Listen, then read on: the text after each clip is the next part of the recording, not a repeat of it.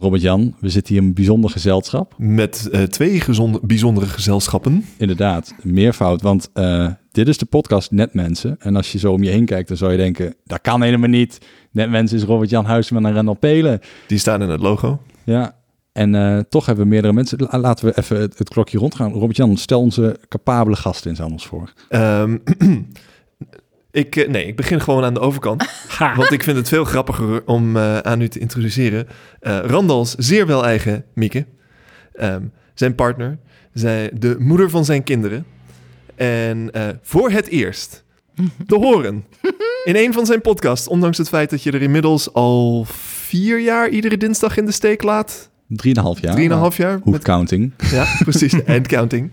Ondanks het feit dat je er al drieënhalf jaar in de steek laat. Um, Iedere dinsdag om je, eigen podcaststem op te nemen. Mm Horen we nu voor het eerst de podcaststem. Achter de man. de, betere, de betere helft van Randals podcaststem. Miekes podcaststem. Yes. En sowieso voor het eerst in een podcast, volgens mij. Sowieso voor het eerst in een podcast. Vind je het spannend? Ja. We gaan je de hemd van het lijf vragen de rest van de avond. oh, echt? Maak je borst maar nat. Ik vind het heel spannend, omdat het, een, omdat het het is een hele andere setting of zo. Ja, Jouw keukentafel? Ja, het, is, het is mijn keukentafel. Maar als Ram dan met zijn podcast stem praat, dan is ineens een hele andere man. maar dan de reden dat ze hier aan tafel zit, want um, we nemen bij mij thuis op. Dat heeft uh, meerdere oorzaken. Eén is, Robert-Jan is in Europa. Jawel. Hoe ga je? Iedereen is er blij om. Behalve jij zelf misschien. Nou ja, zo langzamerhand is, het een is het een beetje vervelend. Ik zit hier een tijdje al klem. Maar het, het is... Uh, ja. uh, het is hartstikke gezellig dat ik dan toch hier aan tafel kan komen zitten. En deze keer gaan we ervan uit dat we de, de podcast wel succesvol op kunnen nemen in dezelfde kamer. Mm -hmm. uh, dat hebben we één keer eerder geprobeerd, toen ging het niet goed. Nee, maar inmiddels ben ik guru, wel betaald en capabel en uh, doorgewinterde podcast maken. Dus heb ik microfoons gewoon aan één input device en dan gaat het allemaal goed. Um, zal ik de volgende gast introduceren. Ja, ik vind Want dat je... De reden dat we hier zitten is, Robert-Jan en ik kwamen aan de praat. En ik weet niet meer of Bas daarbij was of niet. Maar um, over het feit dat Robert-Jan nog iets te verkopen had. Namelijk, je hebt een mooie start-up, je hebt een mooie machine, je hebt een mooi product en dat moet je ook nog aan de man gaan brengen. God En um, toen hadden wij een poosje geleden in uh, Nerds om tafel Bas Reuwer te gast. En Bas Reuwer was niet alleen daar te gast, hij is ook uh, dagelijks te vinden op onze Slack van Nerds om tafel. En uh, weet jij nog hoe dat balletjes gaan rollen? Want jij bood het volgens mij zelf volgens mij aan. heb ik het gewoon zelf aangeboden. Ik was natuurlijk ehm, een keertje te gast geweest in Emlot. En uh, ja, ik ben natuurlijk trouw uh, net mensen luisteraar. Valt en volgens mij heb ik, uh, heb ik, ik, op Slack help ik al regelmatig mensen met hun onderhandelingen over salaris en dat soort zaken. Dus dan heb ik volgens mij gewoon tegen Randal, want ik wist niet dat jij op Slack überhaupt zat. Zelden. Daarom. Dus heb ik volgens mij gewoon tegen Randal gezegd van... joh, als Robert Jan een keertje wil bellen met, met mij over verkoopadvies, dan geef maar door. En Randal die had zoiets van bellen, dat doen we alleen maar als er opgenomen wordt. Nou nee, ik was meer jaloers. Ik wou zelf ook uh, sales- en onderhandelles van, uh, van Bas. Dus ik zag mijn kans gewoon schoon. En daar zitten we dan. Ja, met z'n vieren aan één tafel. Welkeurig allemaal netjes op afstand. Ja. Heel beschaafd. Ja, als er uh, één iemand corona heeft, dan, dan houdt diegene het gewoon als enige. Dat springt ja. absoluut niet over hier. Nee, nou goed. We slapen naast elkaar in bed, hè? dat weet je. Allemaal. Hadden we ook wat meer vrouwen uit kunnen nodigen, Boogie. Zo ongezellig. Bas, vertel ons, hoe doe je sales en marketing? Of, of, of sales en onderhandeling? Dit is ingewikkeld. Ik vind het eng. ja, dat trouwens, ik ook. Dus even voor de context. We zitten hier dus als techneuten. Randal heeft dan nog wel een beetje een commerciële baan. Ik doe dit voor het eerst. Randal inmiddels, wat, tien jaar? Zoiets eigenlijk. Ja, maar, ja, ja commerciële functies wel, ja. Precies, maar uh, goed. Ja, uh, computers hoef je vaak niet mee te onderhandelen. ja, dus mijn, grootste, ben... mijn grootste handicap, heel kort, is dat ik, uh, ik, ik... Ik ben gewoon heel erg recht voor zijn raap. En ik zie gewoon of een deal kan of niet. En als je de ruimte inloopt en je hebt na vijf minuten van elkaar door... hier kan iets... En je doet gewoon, dit kost dit, dit kost dat, go. En met, met een techneut kan ik supergoed door een deur. Mm. Maar met zo iemand die, uh, die eerst een openingsbod wil doen... en dan dat, dat hele basverhaal eraan vast wil hangen... Ja. Dan val ik een beetje door de mand. En ik weet niet eens wat een basverhaal is. Dus vertel! Nou, het uh, maf is sowieso dat... Uh, eigenlijk heb ik, voor, zoals ik jou beluister, Randel... heb ik juist jouw stijl van onderhandelen ook. Hmm. Want gewoon, ik heb, ik heb redelijk weinig zin in het spelletje eromheen. En ik ben ook wel redelijk gewoon van, joh, dit is hoe het zit en zo gaan we het doen. Of ik kan in, in dit, dit gebied kan ik nog een beetje schuiven in dat gebied totaal niet. Daar ze bij mijn handen gebonden. Dus het is ook wel een beetje in je hoofd natuurlijk wat... Uh, hoe, hoe een onderhandeling daadwerkelijk eruit ziet. Want waarom mensen, veel mensen een hekel hebben aan onderhandelen, is omdat het heel oncomfortabel voelt vooral. Zeg maar net zoals mhm. dat juist full disclosure. Ik voel me nu best wel oncomfortabel. Mm -hmm. Hier nu ineens uh, dingen worden op, uh, opgenomen. Dus daar ben ik juist weer eh, zenuwachtig, uh, zenuwachtig over. Nog een biertje? ja, dat, zo dadelijk als, als we weer gestoord worden door, door iets. Um, nee, je hebt een uitdrukking in de, in de onderhandeling. Dat heet je ongemak afkopen. Dus ik denk dat jullie alle drie aan tafel wel eens een keertje hebben gehad. Dat, dat je weet, je, je bent een keuken aan het kopen of een auto of wat dan ook. Mhm. En je weet, er zijn best wel wat mensen die hierover onderhandelen. Maar uh, zij, eigenlijk heeft hij al gezegd van wij doen niet om onderhandelen. Uh, ik voel me toch niet comfortabel om dat te doen. Eigenlijk had zelf in mijn hoofd dat ik 10.000 euro voor die keuken ging betalen. En ja, het is 11, dus ja. Ja, weet je, wat maakt het ook uit? Gewoon, dan, dan, is het maar 11. Dus gewoon, dat doen wij altijd. Ja, dat, daar komen de, en zijn met jullie gewoon, ik denk 99% van de Nederlanders. Want het gewoon, ja, het voelt gewoon ongelooflijk oncomfortabel om juist assertief te zijn in, ja. in zo'n momenten. Nou, dat, dat, maar dat herken ik echt. Ik heb die term nog nooit gehoord, maar je zegt het. En ik heb zoiets van, ja, dat doe ik de hele tijd. Ja, dus die duizend euro is gewoon een soort van fooi voor het afkopen... dat je die onderhandeling niet eens hoeft te doen. Ja, dat ik me niet raar hoef te voelen, inderdaad. Ja. Je ongemak af, uh, afkopen. Dus uh, terwijl het juiste is, gewoon op het moment dat je... Nee, jullie hebben dit huis gebouwd... Uh, op het moment dat elke, um, elke offerte die je krijgt... als je daar al gewoon van zegt oké, mijn budget is X en die X is dan 30% minder dan dat, dat er op de ding staat. Er gebeurt altijd iets. Dus ja. al de ehm, zeg maar, worst case scenario is dat hij zegt van joh, uh, het kan echt niet en voor jou duizend anderen. Dus uh, dit is het teken to leave it. Maar dat is het ergste wat je kan overkomen. Ja, het is niet alsof ze weglopen of zo. Ja, ja. ja dus uh, nou, ik heb een keer een bruiloft georganiseerd voor mezelf. ja. En op het moment dat Hoe je vaak heb je dat gedaan? Ja, één keertje nog maar. En ik uh, ben van plan dat we de enige keer te houden.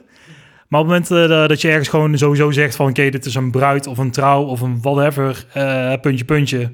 Dus dit is voor je bruiloft. Ja, die prijs die gaat keer twee. Dat, mm. dat weet iedereen. Dus je weet ook dat die prijs ook gedeeld twee kan, kan gaan. En elke keer als je dan gewoon daadwerkelijk zegt... oké, okay, een band... Ja, ons budget voor een band is maar 1500 euro. Dus ik weet niet wat, of, of jullie daar ruimte in zien zeg maar, op het moment dat je dat al zegt, nou ja, er gaat altijd, uh, er gebeurt altijd wel iets. Ja.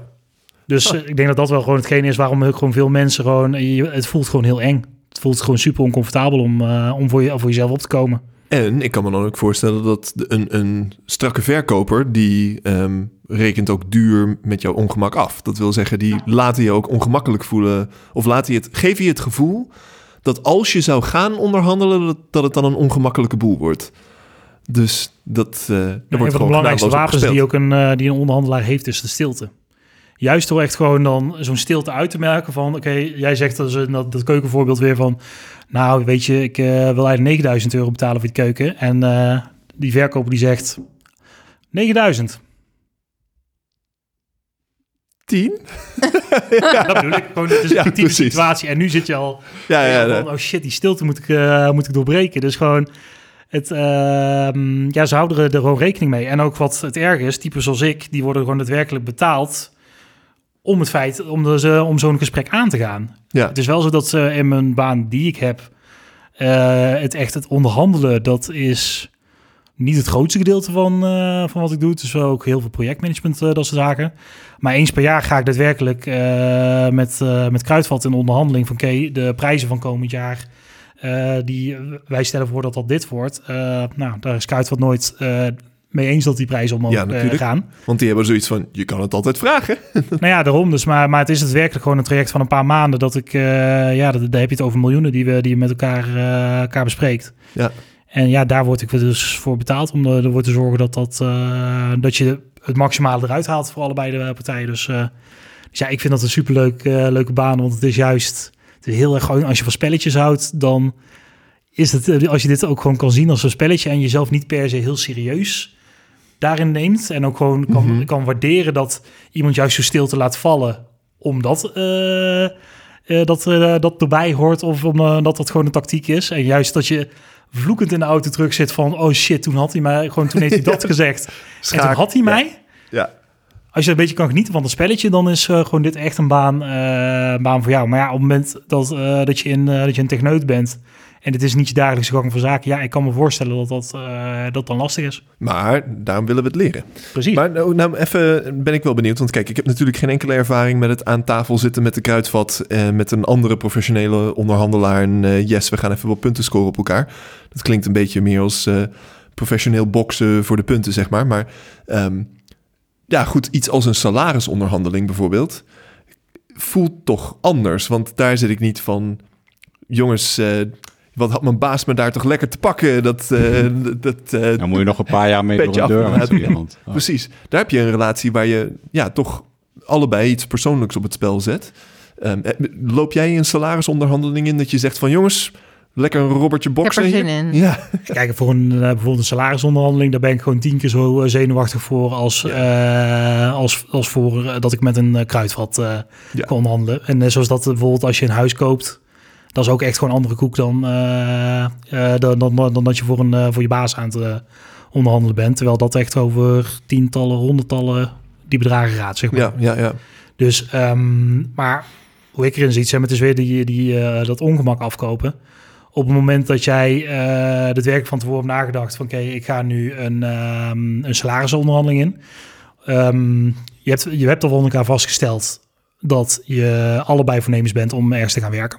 Of om, uh, om daar in dienst te gaan. Ja, of je bent, hebt in ieder geval allebei serieuze interesse. Nou ja, waarschijnlijk is het al, is het al zeg maar, op, uh, op het punt gekomen dat je in ieder geval zeker weet, ik wil hier werken en jij wilt dat ik hier werk. Ja. Op het moment dat je dan al hebt nagedacht van oké, ik kan nu twee dingen doen of ik wacht gewoon af van joh, uh, wat zullen ze mij gaan bieden? we gaan eens even kijken waarmee mee die komt. Ja, dan zit je al gewoon op een speelveld dat zij de eerste stap zetten. Dus als je al van tevoren hebt nagedacht van... joh, ik ga, ik ga hen eerst laten weten van... oké, dit is hetgene wat ik verwacht te gaan verdienen.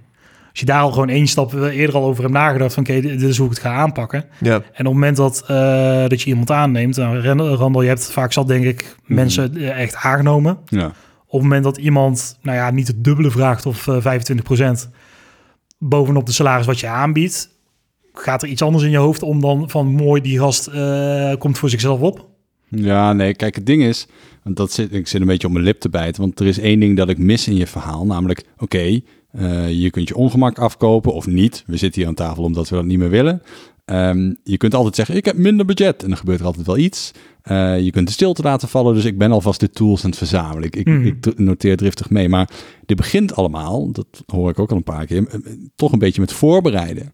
Want je zegt, oké, een bruiloft gaat altijd keer twee. Hé, hey, maar dit weet je ook, dat heb je ook een keer geleerd ergens. Dat heb je ook een keer gelezen. Ja, ik heb dat ook net vijf minuten geleden geleerd. Ja, nou, ik kende die term al wel. En uh, je zegt ook van, nou goed, uh, bij een keuken, dan kan er 10% vanaf. Oké, maar je hebt al een soort van ballpark in je hoofd. Nou, ik heb wel eens meegemaakt dat iemand uh, tijdens een sollicitatieprocedure binnenkwam bij mij. ten eerste, hij vroeg meer loon dan ik verdiende. nou, dat is natuurlijk sowieso een slechte binnenkomen. Nou, naast het feit dat je dan... Um, er zijn van die websites, bijvoorbeeld loonwijzer.nl. Daar kun je alvast een beetje een ballpark inschatten van wat verdien ik.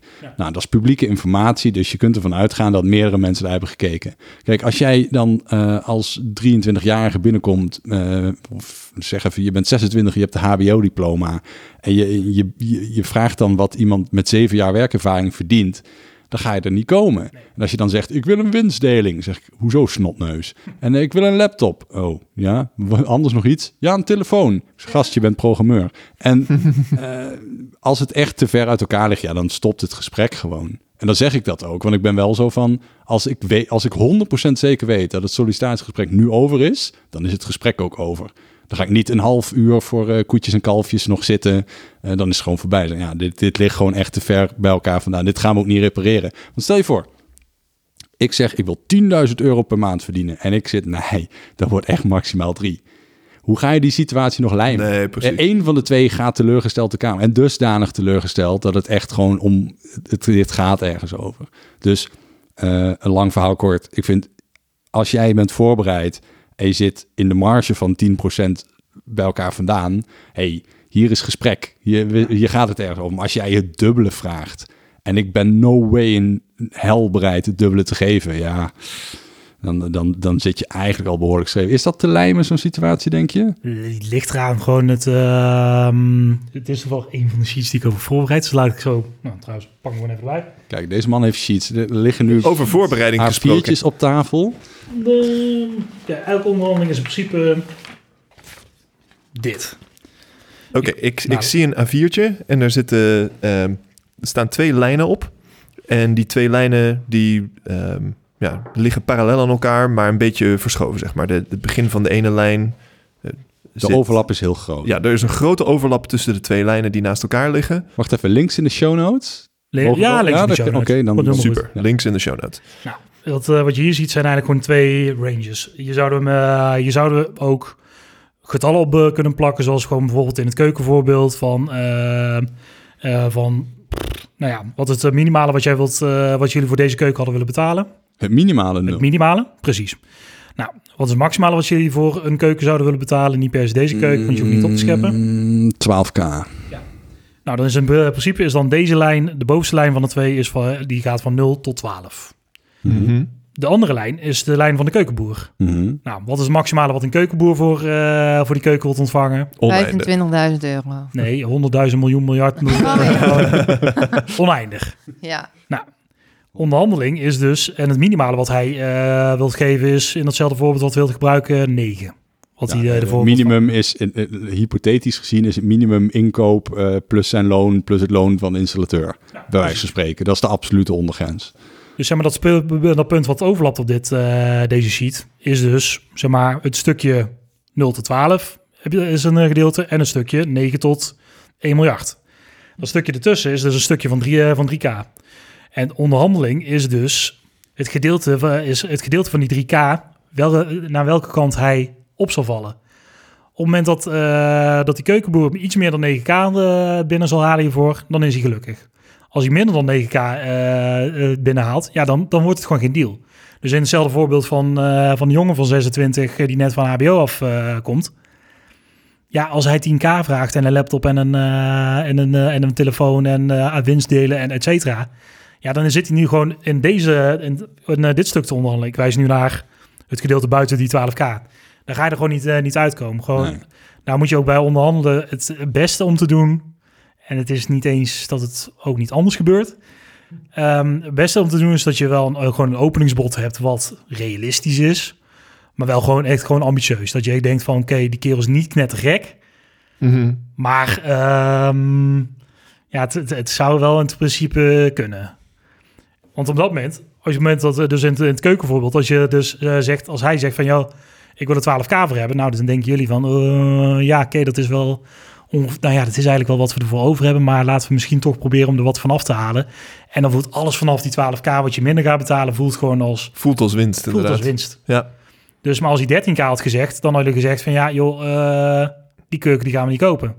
En misschien had je dan nog wel, gewoon als je even je moed verzamelt gedacht van, joh, we gaan in ieder geval vragen of het in ieder geval alsjeblieft voor 12k kan. Want dat is het budget wat we in ons hoofd hadden. Mm -hmm. Ja, dan kom je er alsnog uh, wel uit. Maar dus als je als die vent had gezegd van, joh, het is 25k. Ja, dan zeg je van, oké, okay, dus nou ja, uh, Maar dat is wel grappig, want dat gaat eigenlijk in tegen wat wij, nou ja, Randall en ik hebben letterlijk samen deze keuken gekocht. En wat jij altijd aanhield, was dat de ander het eerste paaltje moest slaan. En dat je dan daarna... Uh, ankeren, ja. Ja, en dat je dan, en dat je dan maar, dat ga, maar wat, wat Bas nu eigenlijk zegt, is dat je zelf assertief moet zijn en gewoon jouw ambitieuze bot neer wil leggen. Niet per se altijd zo dat jij. Nee. De, je, het, het, er is niet een regel dat jij, dat jij als eerste moet openen. Nee. Maar het, het kan in veel gevallen. Um, het is wel een stel regel. En ik zeg regel tussen air quotes, want in onderhandeling zijn je regels. Die mag je ook opschrijven. Mm -hmm. um, in principe is het zo dat op het moment dat, je, dat, je, dat jij als eerste een bot hebt gedaan, dan heb je het daarna alleen over, zeg maar, dat, die playing Dus, dus ja. gewoon, zeg maar, dan ga je rond die 12 uh, zitten.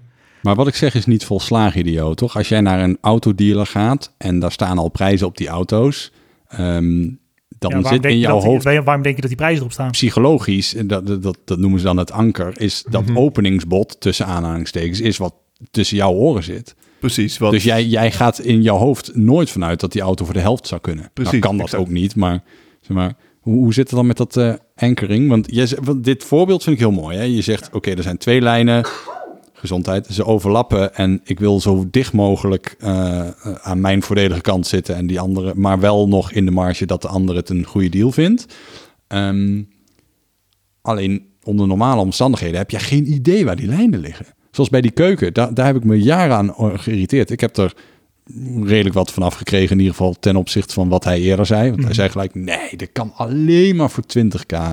Nou, het was de helft. Mm, en um, uiteindelijk um, heb ik me dus altijd afgevraagd. Inmiddels begint die wond een beetje te helen, maar zo van had het niet voor acht gekund, weet je wel? Dat zal ik nooit weten. Waarschijnlijk als ik ooit een, eh, een goede vriend heb uh, die toevallig bij Bruinzeel werkt en dat we een keer uh, na drie bier zeg van gast, hoeveel kan? Nee, maar je had tot vijf kunnen gaan. Dan, dan zou ik mijn schoen opvreten. Ja, het, is, het is inderdaad gewoon het is beter om gewoon niet te weten wat. Uh, gewoon als, je, als je in ieder geval in die marge zit van, eh, van, alle, van allebei wat je er minimaal of maximaal voor zou willen hebben. Ja, je bent in ieder geval allebei wel gelukkig. Gewoon op maar dan heb je wel, stel dat er nog 2K op tafel lag die ik nooit heb gezien, dan heb ik alsnog ongemak afgekocht. Maar dan weet ik het niet. Ja, maar dus dat, dat is dan prima. Ja, dat, is een, dat hangt een beetje af van je psyche. Want weet je, ik zou me dan zoiets hebben van... Ik heb er gewoon 50% afgepraat, jongens. Ik ben de koning. En Randall die zit van... Had ik er nog 20% extra af kunnen praten? ja. En die vreet zichzelf erover op. Dus het is een beetje je eigen psychologie. Je moet dus, wel gewoon denken van... joh, uh, 2K is 2K. Ja, nou, ik, ik denk dat de ideale verkoper voor jou... zou een bepaald moment aan het eind van de onderhandeling... gewoon zijn kaart op tafel leggen... En zeggen van, kijk, hier is mijn Excel-spreadsheet met mijn inkoopkosten. Ja. En daar staat gewoon bij, dat, nou, je had er nog 25 euro af kunnen halen. Dit doet me denken zo van, dat je je kaart op tafel doet, doet mij instinctief wel denken aan, aan weerwolven. Ja. ik heb een keer met Bas geweerwolf. En ik, ik kan je vertellen, lieve luisteraar, op het moment dat Bas zegt, nee, maar ik ben ook geen doorgewinterde verkoper. Ik ben net als jij. Ik ga het liever uit de werk ondertussen. lult God, iedereen... de weerwolf. Hij, hij lult iedereen om de tuin met weerwolven. Maar goed, yep, heb ik zo voor. Nee, maar kijk, dus jullie zijn gelukkig met, je, met jullie keuken. Ja. Dus dat is dan het punt waar je op eh, moet focussen. Je moet niet focussen op wat het had kunnen zijn. Maar het feit wat je, wat je eraan hebt gewonnen. Want gewoon in principe is een economie is het aller nee, dit efficiëntste. Is nee, maar dit is wel de verkoper zou zeggen. Bas, ja, precies. Dit is de verkoper van de keuken. Nee, kijk, maar je, je gaat als, je als goed is ga je nooit horen wat, uh, wat had kunnen zijn. Nee, dat weet je niet. En, en zeg maar, je had hem ook niet voor inkoopprijs. Uh... Nee, maar het is bij zo'n keuken eerder andersom. Ik denk niet van, er had nog 2K afgekund. Ik denk eerder van uh, dan had ik allemaal Whirlpool apparatuur in plaats van bruinzeel brand, weet je wel. Of je had uh, een, een, een luxere chrome afzuigkap, weet ik veel. Je krijgt eerder iets bij dan dat ze echt dat bedrag nog omlaag. Want ze weten gewoon, ja, deze motherfucker die heeft 11k op zak. Dus uh, waarom zou ik lager gaan? Ik geef hem liever wat freebies. Dan heb ik in ieder geval die 11k nog. Ja, maar die freebies die zijn natuurlijk ook wat waard. Gewoon als je mhm. een, uh, als je een, uh, een, hoe heet het, een vaatwas met bestekla krijgt in plaats van met een mand. ja, weet je, in dat geval, dan heb je gewoon echt gewoon geld gewonnen. En geluk. Ja. En levensvreugde. En gewoon levensvreugde. Gewoon op het moment dat je uh, gewoon daadwerkelijk een ander soort afzuigkap of een ander soort koelkast, dat is dat, die is, die, die is daadwerkelijk duurder. Ja. Oh jongens, hij zit zich zo op te vreten nu. echt, het wordt rood in het gezicht. Heeft zoiets god vergeten, ik had er twee k extra voor betaald. Ja, ik weet niet of je de, de bestekla versus bestekmand inside joke kent. Jazeker. Oké, nee, dan, dan ja, vandaar. Nee, maar daarom dus, even kijken, volgens mij ligt hij zelfs hier ergens. Nee, onder. De werkelijkheid is een onderhandeling. Zo. Oh, help. Nu zie ik acht lijntjes naast elkaar. Acht sets van twee. Oh, sorry, vier sets van twee. En helemaal, um, ja, uh, verschillend uh, in, in hoeveel de overlap er is en hoe lang ze zijn. En het is chaos. Ja. kijk, wat, uh, dit, is, dit is eigenlijk gewoon hetzelfde model als wat ik net heb neergelegd, maar dan met uh, keer vijf en met allemaal verschillende lengtes. Dus bijvoorbeeld, uh, je hoeft niet alleen te, over, te onderhandelen over prijs. Want gewoon alleen onderhandelen over prijs, dat doe je eigenlijk op een Turkse bazaar. Als je een stel oude een stel slippers van iemand wil verkopen, ja, dan heb je op geen één ander punt onderhandelen dan ik wil er een tientje voor betalen of ik wil er 15 voor betalen. Want je ziet die vent nooit meer van je leven. Je hoeft geen relatie mee. Het is niet zo zeg maar dat als je bijvoorbeeld de keukenboer, nou, Die komt ook nog bij je over de vloer. Dus je wilt dat hij nog enigszins daar normaal gaat doen. Of je hebt dingen als, oké, ik heb hem volgende week nodig of over een jaar pas. Of ik ga in december, ben ik bij die keukenboer naar binnen gekomen. Hij moet zijn eindjaarsbonus halen en ik kom net even 10k tekort. Zeg maar allemaal dat soort dingen kan je ook over, over, over onderhandelen. En het ene is voor iemand anders meer waard dan, uh, dan, dan, voor de ander. Mm Dus uh, naast, dus in, in het keukenvoorbeeld weer, ja, je kan ook onderhandelen van, joh, heb je nog een showroomkeuken? En gewoon, ja, dan moet hij toch van, uh, vanaf. Ja, dan wil hij uh, best wel tegen kostprijs uh, doen. Hmm. En jou interesseert het natuurlijk niks of het een showroomkeuken is of dat, het een, dat, dat het een compleet verse keuken is voor jezelf. Mm Dus dat is ook, dus ook het voorbeeld hier. Dat is bijvoorbeeld dit kleine lijntje. Dat is alleen ja of nee. Bijvoorbeeld gewoon. dus bijvoorbeeld als je een huis koopt of een huis verkoopt, dan vind je het fijn dat jij degene bent die, uh, die kan kiezen wanneer de overdracht is. Omdat je ja. geen dubbele lasten wilt, uh, wilt hebben. Dus dat is een kwestie van ja nee. Dus dat is gewoon dat kleine dingetje. Terwijl iemand die, die huurt, die het elke maand kan opzeggen. Ja, voor hem is dat natuurlijk gewoon super makkelijk iets om weg te geven. Want ja, die, daar geef je gewoon een maand van tevoren. Zeg je huur op en op dat moment. Precies, maar de huurder die wil dan misschien graag dat jij je wasmachine laat staan, want die hebben ze nog niet. En voor jou is dat zoiets van, ja, maar exactly. dan moet ik een hele nieuwe wasmachine kopen. En dat, dus je kan dan een wat duurdere, hoe, hoe heet dat in het Nederlands? Een, een, een, zeg maar in het Engels. Um, een, nou, een toegave, zeg maar, krijgen. Iemand, iemand kan je iets geven wat voor, voor hun... Voor, voor, jou waardevoller is dan hetgene dat je er ze voor teruggeeft. Maar hetgene dat je ze ervoor teruggeeft, is hun weer waardevoller dan hetgene dat ze jou gegeven hebben. Dus win-win, min of meer. Ja, dus daarom, dus daarom is ook de, de, meeste onderhandelingen die zijn niet alleen over, uh, over prijs, maar over echt een heel scala van, uh, van dingen waar je elkaar op uh, kan vinden. En het ene, het ene deze allemaal wel op, op een soort van manier wel uitdrukken in geld. Want gewoon bijvoorbeeld de, het moment van overdracht voor, die, voor het huis ja, dat, uh, dat zijn een paar maanden dubbele woonlasten bijvoorbeeld ja. die, uh, die het de verkopers uh, scheelt. Dus het is allemaal wel uit te drukken in geld, maar het zijn gewoon verschillende zaakborden waar je, waar je tegelijkertijd mee, mee aan de gang gaat. Dus, daar, dus dat is ook, dus ook gewoon echt een dingetje om mee te kunnen spelen. En zou je zeggen dat het ongemak waar we het over hadden, het afkopen van het ongemak, dat dat ook zo'n lijntje is, min of meer? Van ik ben, hier is hoeveel ongemak ik bereid ben om ja, te hebben? Ja, soort van wel eigenlijk, ja. Huh. Grappig. En gaat dat ongemak ooit weg? Als je het vaak genoeg doet? Of blijft het altijd een soort van gezichtsverlies of bij de ander gezichtsverlies? Ja, het went heel erg. Gewoon op, uh, als je het gewoon, uh, het is een beetje de 10.000 uur uh, regel. Zeg maar, als je vaak had meegemaakt dat gewoon uh, de eerste keer dat, dat, dat ik aan iemand moest, moest vertellen dat de prijzen omhoog gaan, zeg maar. Ja, echt. Ik, ik stond ik, gewoon een klossende elksels en zweet op mijn voorhoofd en gewoon stotterende stem en, en dat soort zaken. Of dat er bijvoorbeeld een inkoper mij boos opbelt omdat er iets is uh, gebeurd. Ja, het, uh, je begint compleet te stotteren en alles is ellende. Maar uh, als je het echt voor, voor, de, voor de honderdste keer meemaakt en je hebt het al een paar keer, ja, gewoon je, je weet wat de dingen zijn waarmee je een situatie kan, wat, wat minder emotioneel kan maken. Ja, dat scheelt een hoop. Ik heb ik heb pas geleden, nou pas geleden, ik heb een tijd geleden heb ik een, uh, uh, was mijn vrouw ook, die had een, uh, die, die, was aan het ruzie met een paar buren tegelijkertijd.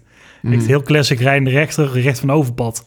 Nou, ja, ik kom daar dus bij staan en daadwerkelijk gewoon, ik weet, weet van oké, okay, ze zijn gewoon niet boos vanwege een recht van overpad of wat dan ook, maar ja, gewoon omdat ze zich anders. niet gehoord voelen. Ja. Dus het eerste wat ik was begonnen was van joh, jongens, het spijt me echt dat, dat, dat, dat we nooit met jullie hierover hadden gehad, maar wij willen niet dit soort mensen zijn die niet met buren de, dit soort zaken bespreken van tevoren. Gewoon, wij zijn goede mensen.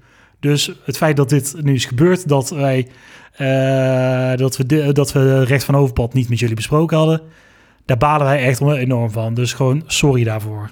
En dan zie je gelijk gewoon die ego's die, die gaan gelijk.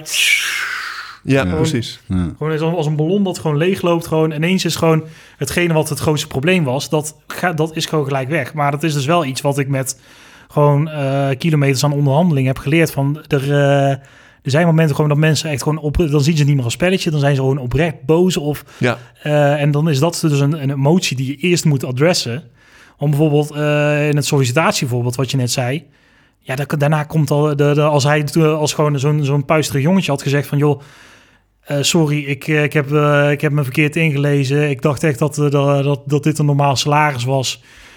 Ik weet, je hebt nu verteld wat jij, wat jij verdient. En sorry, ik had echt niet zo moeten binnenkomen. Mm -hmm. Dan had je waarschijnlijk gewoon een tweede kans gegeven. Ja, precies. Als hij zegt van joh, ik denk ik zet hoog in, want dat is toch slim. En die zegt, oh, dat is dus blijkbaar mislukt. Ja, sure, fair enough. Ja, gewoon can't blame a guy for trying. Mm -hmm. Maar gewoon uh, als je een uh, systeembeheerder aanneemt en die, die, die, die zegt, ik heb gewoon niet hoeveel zo, zo iemand kost. Je zegt, joh, je gaat 3000 verdienen. En hij zegt, nou weet je, dat... Ik had uh, gewoon, uh, dit is gewoon een overstap en ik moet hiervoor gaan verhuizen. Dus ik, ik had zelf wel 3500 in, uh, mm -hmm. in gedachten. Ja, dan, dan waardeer je waarschijnlijk gewoon juist het feit dat hij voor zichzelf opkomt. Mm -hmm. En dan ga je kijken, past dit, bla bla bla. Ja, precies. En dan mm. gewoon, ja, weet je, dan wordt het heus wel iets tussen die, die 3000 en die 3500. Maar ja, de, jij waardeert die vent omdat hij zo voor zichzelf is opgekomen. En uh, hij waardeert dat jij ook gewoon zijn uh, gevoelens gewoon serieus neemt. Mm -hmm. ja. Dat hij ook gewoon op het moment dat hij met iets aankomt van... Joh. Nou, maar dat, daar herken ik ook gewoon iets heel menselijks in. Dat herken ik van relaties en dergelijke. Als je uh, als partner het gevoel hebt dat je niet gehoord wordt... of je partner heeft het gevoel dat zij niet gehoord worden... dan maakt het eigenlijk helemaal geen enkele drol uit... of het gaat over dat je iets te veel kruimels achtergelaten hebt op het... Uh, op het keukenblok of dat je uh, bent vreemd gegaan met 17 mannen en vrouwen tegelijkertijd. als je elkaar niet hoort, als je boos bent wow. elkaar, dan That escalated quickly. Ja. 17 maar? mannen en vrouwen tegelijk, hè? Ja. Maar uh, goed, dat maakt toch in feite dan op, op dat moment niet zo heel veel uit. Omdat je, als, als je het gevoel hebt van... ik word niet erkend als partner in dit gesprek, min of meer. Weet je wat Randall zei van... Oh, die kerel die vroeg gewoon meer dan ik verdien. Dan heb jij het gevoel van... hallo, ja. Dit is, ja, je voelt je dan min of meer persoonlijk... Ja, niet gerespecteerd. Uh, niet gerespecteerd, exact. Dus dat moet je eerst aanpakken. Dus voordat je überhaupt kan beginnen met onderhandelen... moet je zorgen dat je voor elkaar wederzijds respect hebt. Ja. En dan kan je zakelijk praten, om het zo maar te zeggen. Of ja, goed, als je als partners ruzie hebt... moet je er eerst voor zorgen dat je zegt... hey, uh, ik waardeer je nog steeds ontzettend als als partner. Ik hoor dat het voor jou erg moeilijk is om te horen dat ik 17 mannen en vrouwen tegelijkertijd kan hebben. Hoe voel je je daarbij? Ik, ik, ik snap, ik, ik weet dat we het hier niet eerder over hebben gehad. maar ik vind het toch heel fijn dat je wel met mij wil gaan, zetten, gaan zitten om het hierover te hebben. Weet je dat? Wil jij bij nummer 18 zijn? Ja. ja, maar is er, is er wat uh, te zeggen voor dat bruggetje dat ik net sloeg, hè, dat je zegt, oké, okay, ik weet dat er een bandbreedte is en ik weet dat er een stukje overlap binnen die bandbreedte is waar we eigenlijk allebei happy mee zijn. Hmm. Um, zijn er tips om daar te komen? Want ik zou zo'n onderhandeling het liefst ingaan met een boel voorbereiding. Dus op het moment dat ik een sollicitatiegesprek heb, ik, ik heb nog nooit um, daadwerkelijk op een klassieke manier gesolliciteerd. Hè? Dus ik heb nog nooit een brief gestuurd en een eerste gesprek, tweede gesprek. Ik ben altijd min of meer zijwaarts binnengestroomd. Uh, maar ik heb heel veel sollicitatiegesprekken gedaan waar mensen bij mij komen die willen een baan. Um, ik, heb al, ik weet altijd al van wat zijn de mogelijkheden. Ik weet altijd al van hoe ver kan iemand gaan, hoe gek kan diegene maken. En ik weet ook uh, dat als er iets op tafel komt waarvan ik denk, hè, fuck, dit moeten we eigenlijk doen. Uh, Oké, okay, prima, maar dan, dan gaan we gewoon. Dan hoor je nog van ons en dan, dan ga ik eerst mijn huiswerk doen, weet je wel. Dus dan weet ik ook, ik heb intern iets te verkopen. Um, maar op het moment dat ik, uh, even terugkomen bij die bruiloft. Iedereen weet, in ieder geval Bas en ik, dat een bruiloft kost alles uh, twee keer te veel. Als jij naar een, uh, een, een, een bloemist gaat en je zegt ik wil een mooi boeket en het is een bruidsboeket, dan kost die opeens 75 euro. En als je zegt ik wil een boeket, ah, staat wel leuk op tafel, maar wel even leuk, 30 piek. Weet je wel? Dus hetzelfde boeket waarschijnlijk. Um, maar als je weet, alles omtrent een bruiloft gaat keer twee, dan kun je daarop instellen. Dan weet je ongeveer wat je te wachten staat. Um, hoe goed kun jij je voorbereiden op de gesprekken die jij gaat doen? Je zit in een branche, je weet ongeveer wat, uh, wat, wat het speelveld is. Maar zijn er tips? Uh, bijvoorbeeld, ik ga een auto kopen. Hoe, hoe, pak ik dat aan? Ja, ik zou denken... Um, je kan in ieder geval gewoon al gewoon een beetje onderzoek uh, doen. Uh, kijken wat uh, gewoon meerdere advertenties met elkaar vergelijken. Mm -hmm. Vrienden vragen. gooi het eens op Slack onder voertuigen, zeg maar. Dat, dus zat, zatpunten natuurlijk gewoon... Ja, helemaal in deze tijd met een Tweakers Price Watch bijvoorbeeld, zeg maar, je, gewoon, je, kan, je kan je zo ontzettend goed inlezen in virtually anything dat, je, dat je maar kan, kan voorstellen. Gewoon, zeg maar, er is niks wat je, waar je niet in ieder geval een flauw idee van kan hebben wat het waard zou kunnen zijn of moeten zijn. En uit die end of the day, het is wel zo dat het, het, iets is zoveel waard in het keukenvoorbeeld bijvoorbeeld, als dat je er voor over, over hebt. Dus je hebt 12k over voor, eh, voor zijn keuken. Dus die keuken is 12k waard. Mm. Dat is gewoon kapitalisme 101, volgens jou. Ja. Vraag en aanbod. Nou ja, dit komt het, uh, uiteindelijk komt het altijd wel op dat neer. Gewoon, jij hebt 12k mm. over voor een keuken. Ja, hij moet wel minimaal een uh, goede oven hebben en een uh. Maar in ieder geval, dit is gewoon wat, wat ik gewoon over heb voor een keuken in mijn leven. Ja. Dus net zoals iemand die bij je komt solliciteren en nou, die, wil, die wil, wil in ieder geval wel meer verdienen en verdient nu 3000 euro. Nou ja, tenzij je gewoon hij doodongelukkig is aan zijn vorige baan en hij is eigenlijk praktisch al ontslagen, dan wil je misschien nog wel voor hetzelfde geld blijven, misschien nog minder. Maar voor de rest van de tijd zal het gewoon, als al het andere hetzelfde is, ja, zou je in ieder geval wel iets erop vooruit willen gaan. Dus, hmm. dus je weet in ieder geval van jezelf altijd gewoon wat die bandbreedte is. En ja, door gewoon te vragen en te spreken met, met elkaar en gewoon je onderzoek te doen, weet je wat de bandbreedte van iemand anders misschien wel zal zijn. Ja, ik zit, sorry, ik, ik zit nu even naar twee casussen te denken die ik zelf in mijn werk ben tegengekomen, waar ik nou, niet op stuk loop, maar gewoon benieuwd ben, kan ik dit slimmer doen? En ik kan ze allebei niet helemaal in geur en kleuren vertellen, want dat is een beetje niet netjes om in een podcast te doen. uh, maar bijvoorbeeld één van de twee gaat gewoon om doosjes die je bij wijze van spreken bij de mediamarkt kunt kopen. Um, en dan zeg je eigenlijk heel terecht, ja, dat staat ook in de Pricewatch. Uh, je weet gewoon BTW eraf. Um, en dan iets van marge, maar dan, dan is dat ongeveer je balpark. Um, ja, alleen maar in dit geval kan je dus ook gewoon uh, het bedrijf boven Mediamarkt is uh, Seconomy. Mm Dat is beursgenoteerd. Je, mhm. Dus je kan opzoeken wat, uh, wat hun operating margin is. Je kan opzoeken wat, wat ze aan personeel kwijt zijn. Je kan een beetje inschatten wat ze aan alles zullen over willen houden. Je weet wat de BTW is. Je, dus uit die NRD kan je al best wel wat van hun vaste kosten ook al inschatten. Mhm. Je weet ook dat, dat de mediamarkt dat dat een uh, grote partij is, dus dat zij ook wel wat bargaining power zullen hebben. Dus uiteindelijk mhm. kan je wel heel veel dingen al gewoon inschatten wat, uh, wat het ongeveer zou, zou kunnen zijn. Ja. ja, op één ding na, hoe gek zijn ze om het achter in de shop neer te leggen om mensen naar binnen te trekken. Maar goed, dat is even een ander ding. Daar kun je nooit van winnen. Ja, dat is wel waar. Maar hoe, hoe zou je bijvoorbeeld te werk gaan als je een stuk software uh, licenties in kunt kopen, die je per maand zou betalen en die je bij al je klanten weg zou kunnen zetten. Vervolgens kom je bij die tent uh, op bezoek. Nou, koffie is lekker, goed gesprek, product staat je wel aan. Uh, je krijgt een quote, maar die krijg je niet ter plekke, die krijg je te, een week later, zeg maar, in de mail. En um, nou, zonder in details te treden, wat het ding kost per gebruiker per maand is allemaal wel prima. Dat zal wel, ik bedoel, marge erop klaar. Um, maar op een gegeven moment heb je 5000 euro hostingkosten. Denk, hosting? Je runt die tent al lang, man. Hoezo? Ik ben een klein kutklantje voor jou. Hoezo moet ik hostingkosten betalen? Hoe, hoe zou jij dat aanpakken? Want zoals ik het nu letterlijk zeg, zou kunnen, ja. is een manier.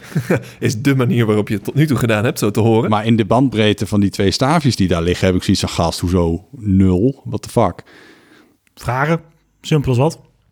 Waarom, uh, waar moet je hostingkosten over betalen? En dan komt er een mooi verhaal het moment dat, uh, dat is ook weer zo'n wijsheidje.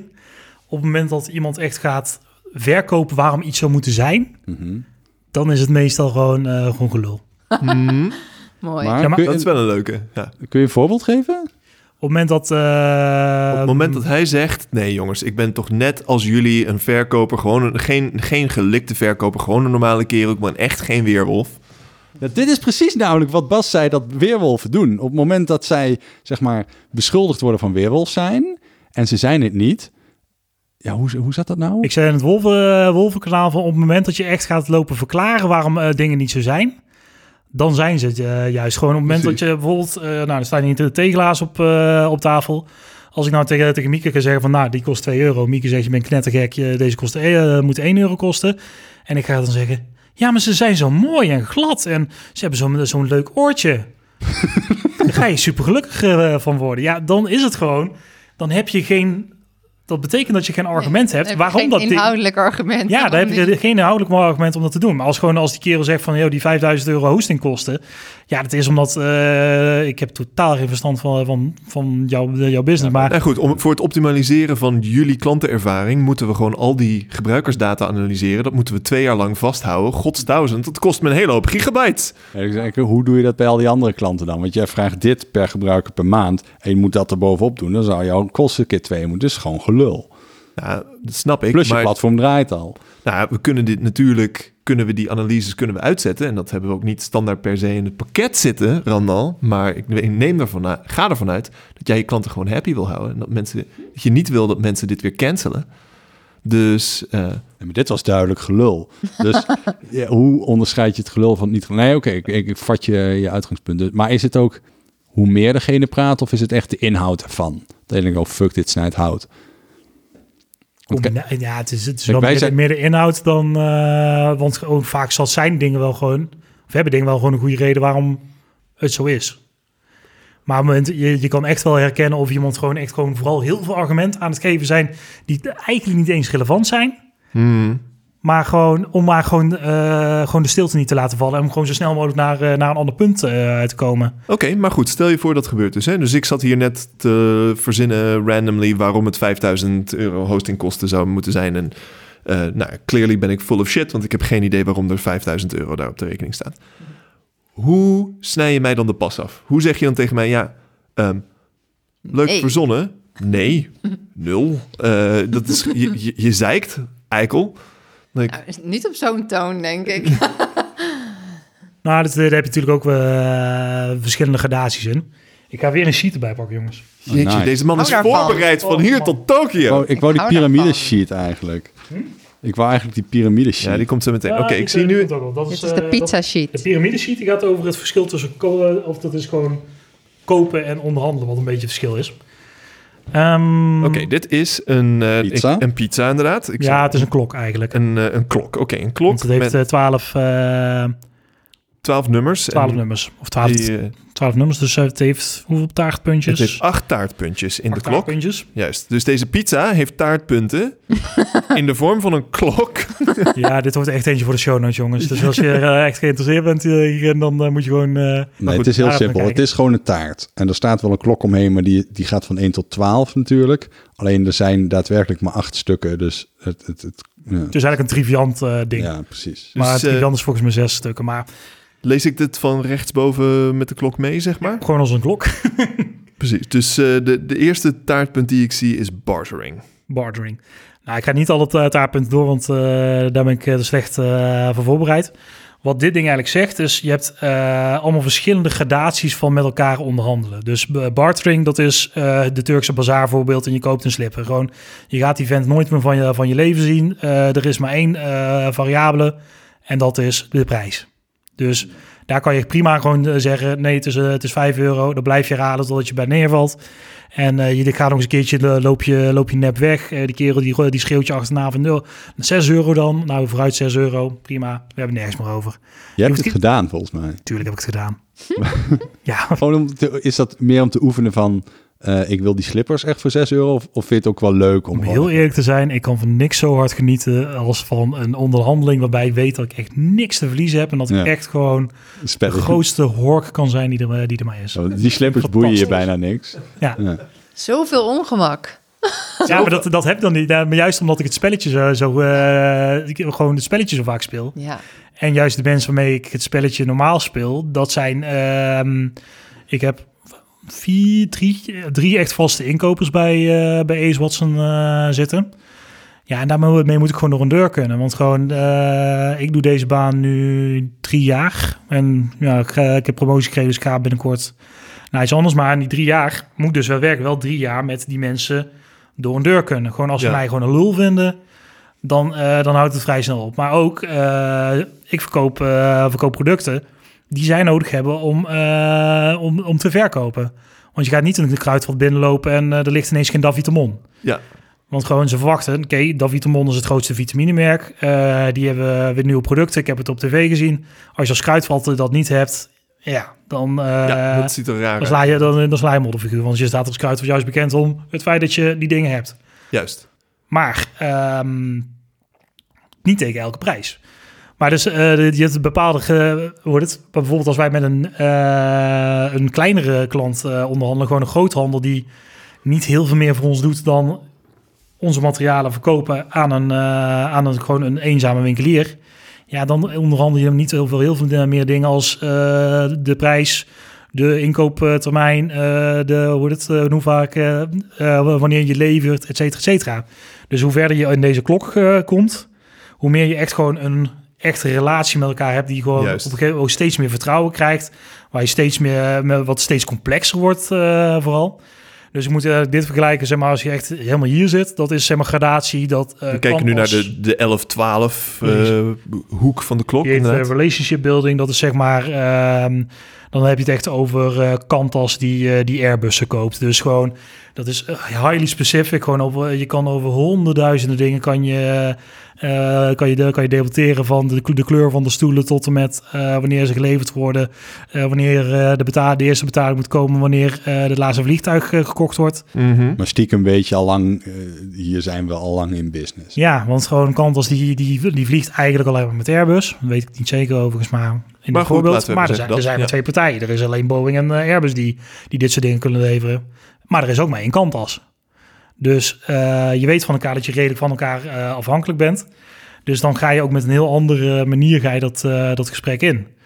Maar neem niet weg dat je nog steeds gewoon op zo'n moment allemaal... Je, je wil nog steeds gewoon een, een vliegtuig minimaal verkopen voor, voor 25 miljoen.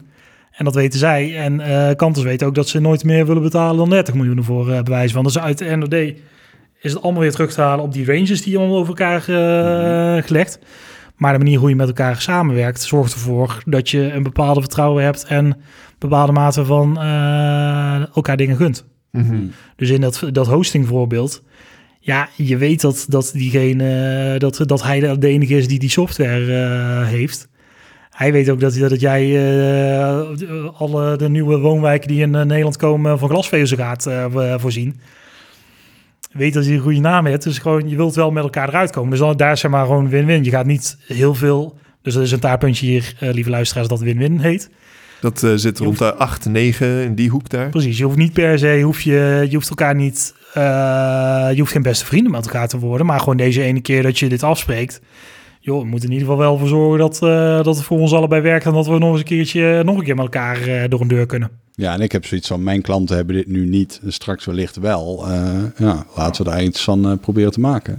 Dus min of meer wat ik je hoor zeggen is dat je, je moet, als je zo'n onderhandeling begint, moet je ook snappen wat voor soort onderhandeling je aan het, ja. uh, aan het hebben bent. En, en daar zou je dan ook andere technieken voor leren of toepassen. Als je, als je op een bazaar staat, dan loop je nog eens voor de grap weg van nou, dan niet jongen.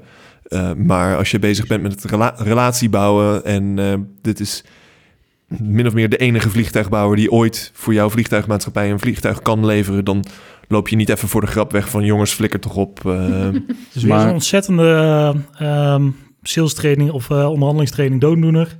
Er is geen goed en fout, er is alleen gepast en ongepast gedrag. Ah. Hmm.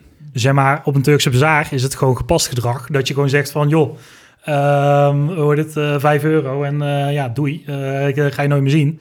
Maar als je bij, Boeing binnenkomt en zegt, doe, doe eens even zo'n vliegtuig en niet eens van, joh, wat voor stoelen wil je hebben of zo? Of, ja, nee, ik betaal niet meer voor de 20 euro. Of de 20, 20 miljoen. Ja, dan denken ze, ja, de complete mogol, die gooien we zo snel mogelijk weer eruit. En dat is dus dan ongepast gedrag. Ja, daarmee kom je niet, zeg maar. daarmee kom je als, als onderhandelaar niet terecht waar je, waar je wil zijn. Krijg je voor jezelf ook niet de beste deal. Zit, zit er wat in wat ik net zei, dat ik uh, mezelf op zo'n bazaar zie staan en ik denk, ik vind het fucking ongemakkelijk. Net als Mieke. En dat je denkt, oké, omdat ik die slippers toch niet echt hoef en ik hier een kans heb om te onderhandelen zonder consequenties, zie ik het gewoon als een oefening van een spier die ik kan trainen, zeg maar. Ja, want daarom geniet ik juist er ook van op het moment dat ik wel op zijn Turkse bazaar sta en dat ik gewoon denk van ga hem krijgen ook. Want ik ken, eh, ik ken uh, uh, het fenomeen van Tim Ferriss, die gast met die podcast en dat boek de 4-Hour Workweek. Uh, die heeft van die gekke challenges die hij bij zichzelf doet om ongemakkelijkheid soms een beetje te forceren. Want hij zegt, um, ja, het leven is eigenlijk, je komt zo ver in het leven als het aantal ongemakkelijke gesprekken dat je bereid bent te hebben. Hmm. Uh, ik denk dat dat voor een deel wel klopt. Hè? Dus soms, Sure. ja, soms moet je door je eigen ongemak heen om ergens te komen. En wat hij bijvoorbeeld soms doet is, uh, dan gaat hij naar een Starbucks, dan staat hij in de rij en dan gaat hij even tien push-ups doen. En dat slaat nergens op. Maar is het echt erg? Word je echt de tent uitgegooid? Is, is, mensen denken er wat van en dat is het punt. Mhm. Je moet even die ongemakkelijkheid door. Ja. En dan, uh, nou, daarna haal je je koffie en ben je weer weg. Uh, ja, dus gewoon jezelf dwingen ongemakkelijk. Of, of zo'n challenge, ik weet niet meer hoe het heet, maar meerdere mensen doen dat. Uh, volgens mij heet het de 10% challenge of zo. Om gewoon um, ergens waar het er niet toe doet, dus ook weer zo'n Starbucks, te vragen of je 10% korting kunt krijgen op je kopje koffie. Maakt niet uit of je het krijgt. Dat is het hele idee niet. Het gaat erom... Dat je het vraagt. Even durft ongemakkelijkheid. Uh, Bij de supermarkt. ja, daar lukt het je het nooit. Maar da dan, dan weet je eigenlijk al de uitkomst. Er moet, een, moet een, er moet wel een klein vleugje kans zijn, zeg maar.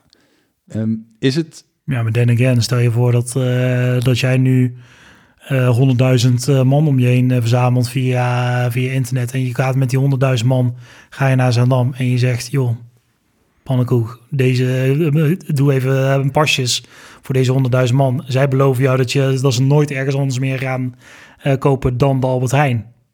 Maar de, oh, de, zo Zaandam. Ja, ja, oké. Okay, ja. Ja. ja, sorry, dat is echt heel beroepsdeformatie.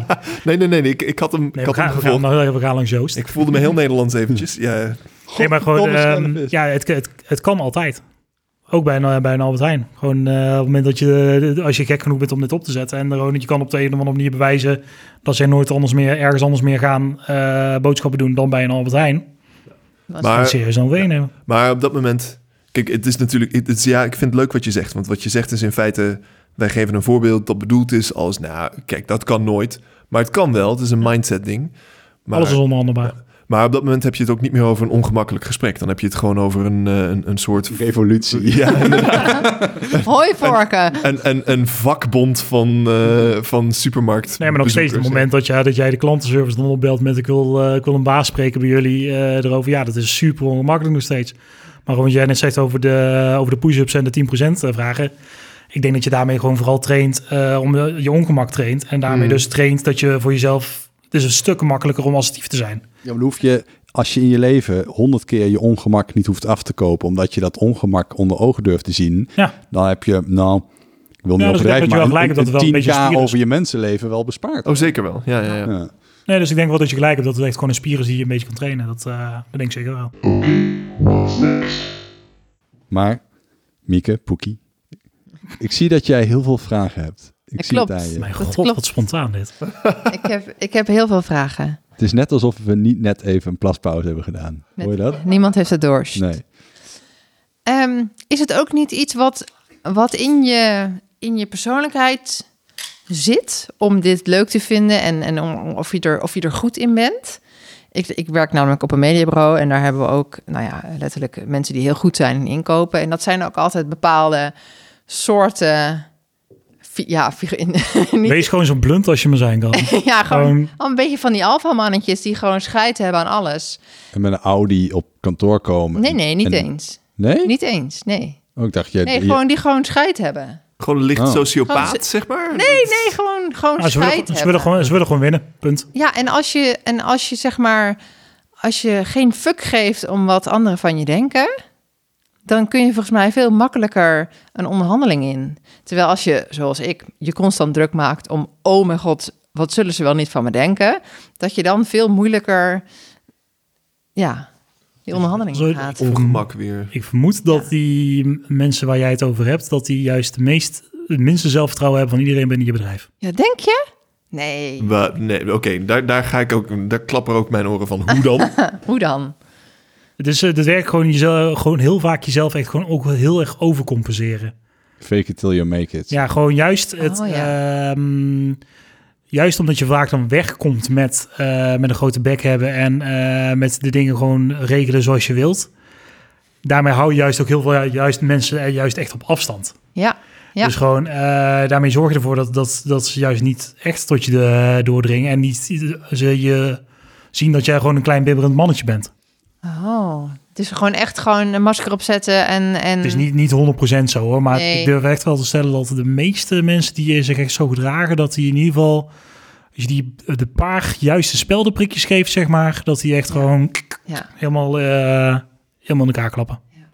Maar is oké. Is dat dan een ding dat jij als onderhandelaar aan de andere, andere kant van de tafel zoekt, zeg maar?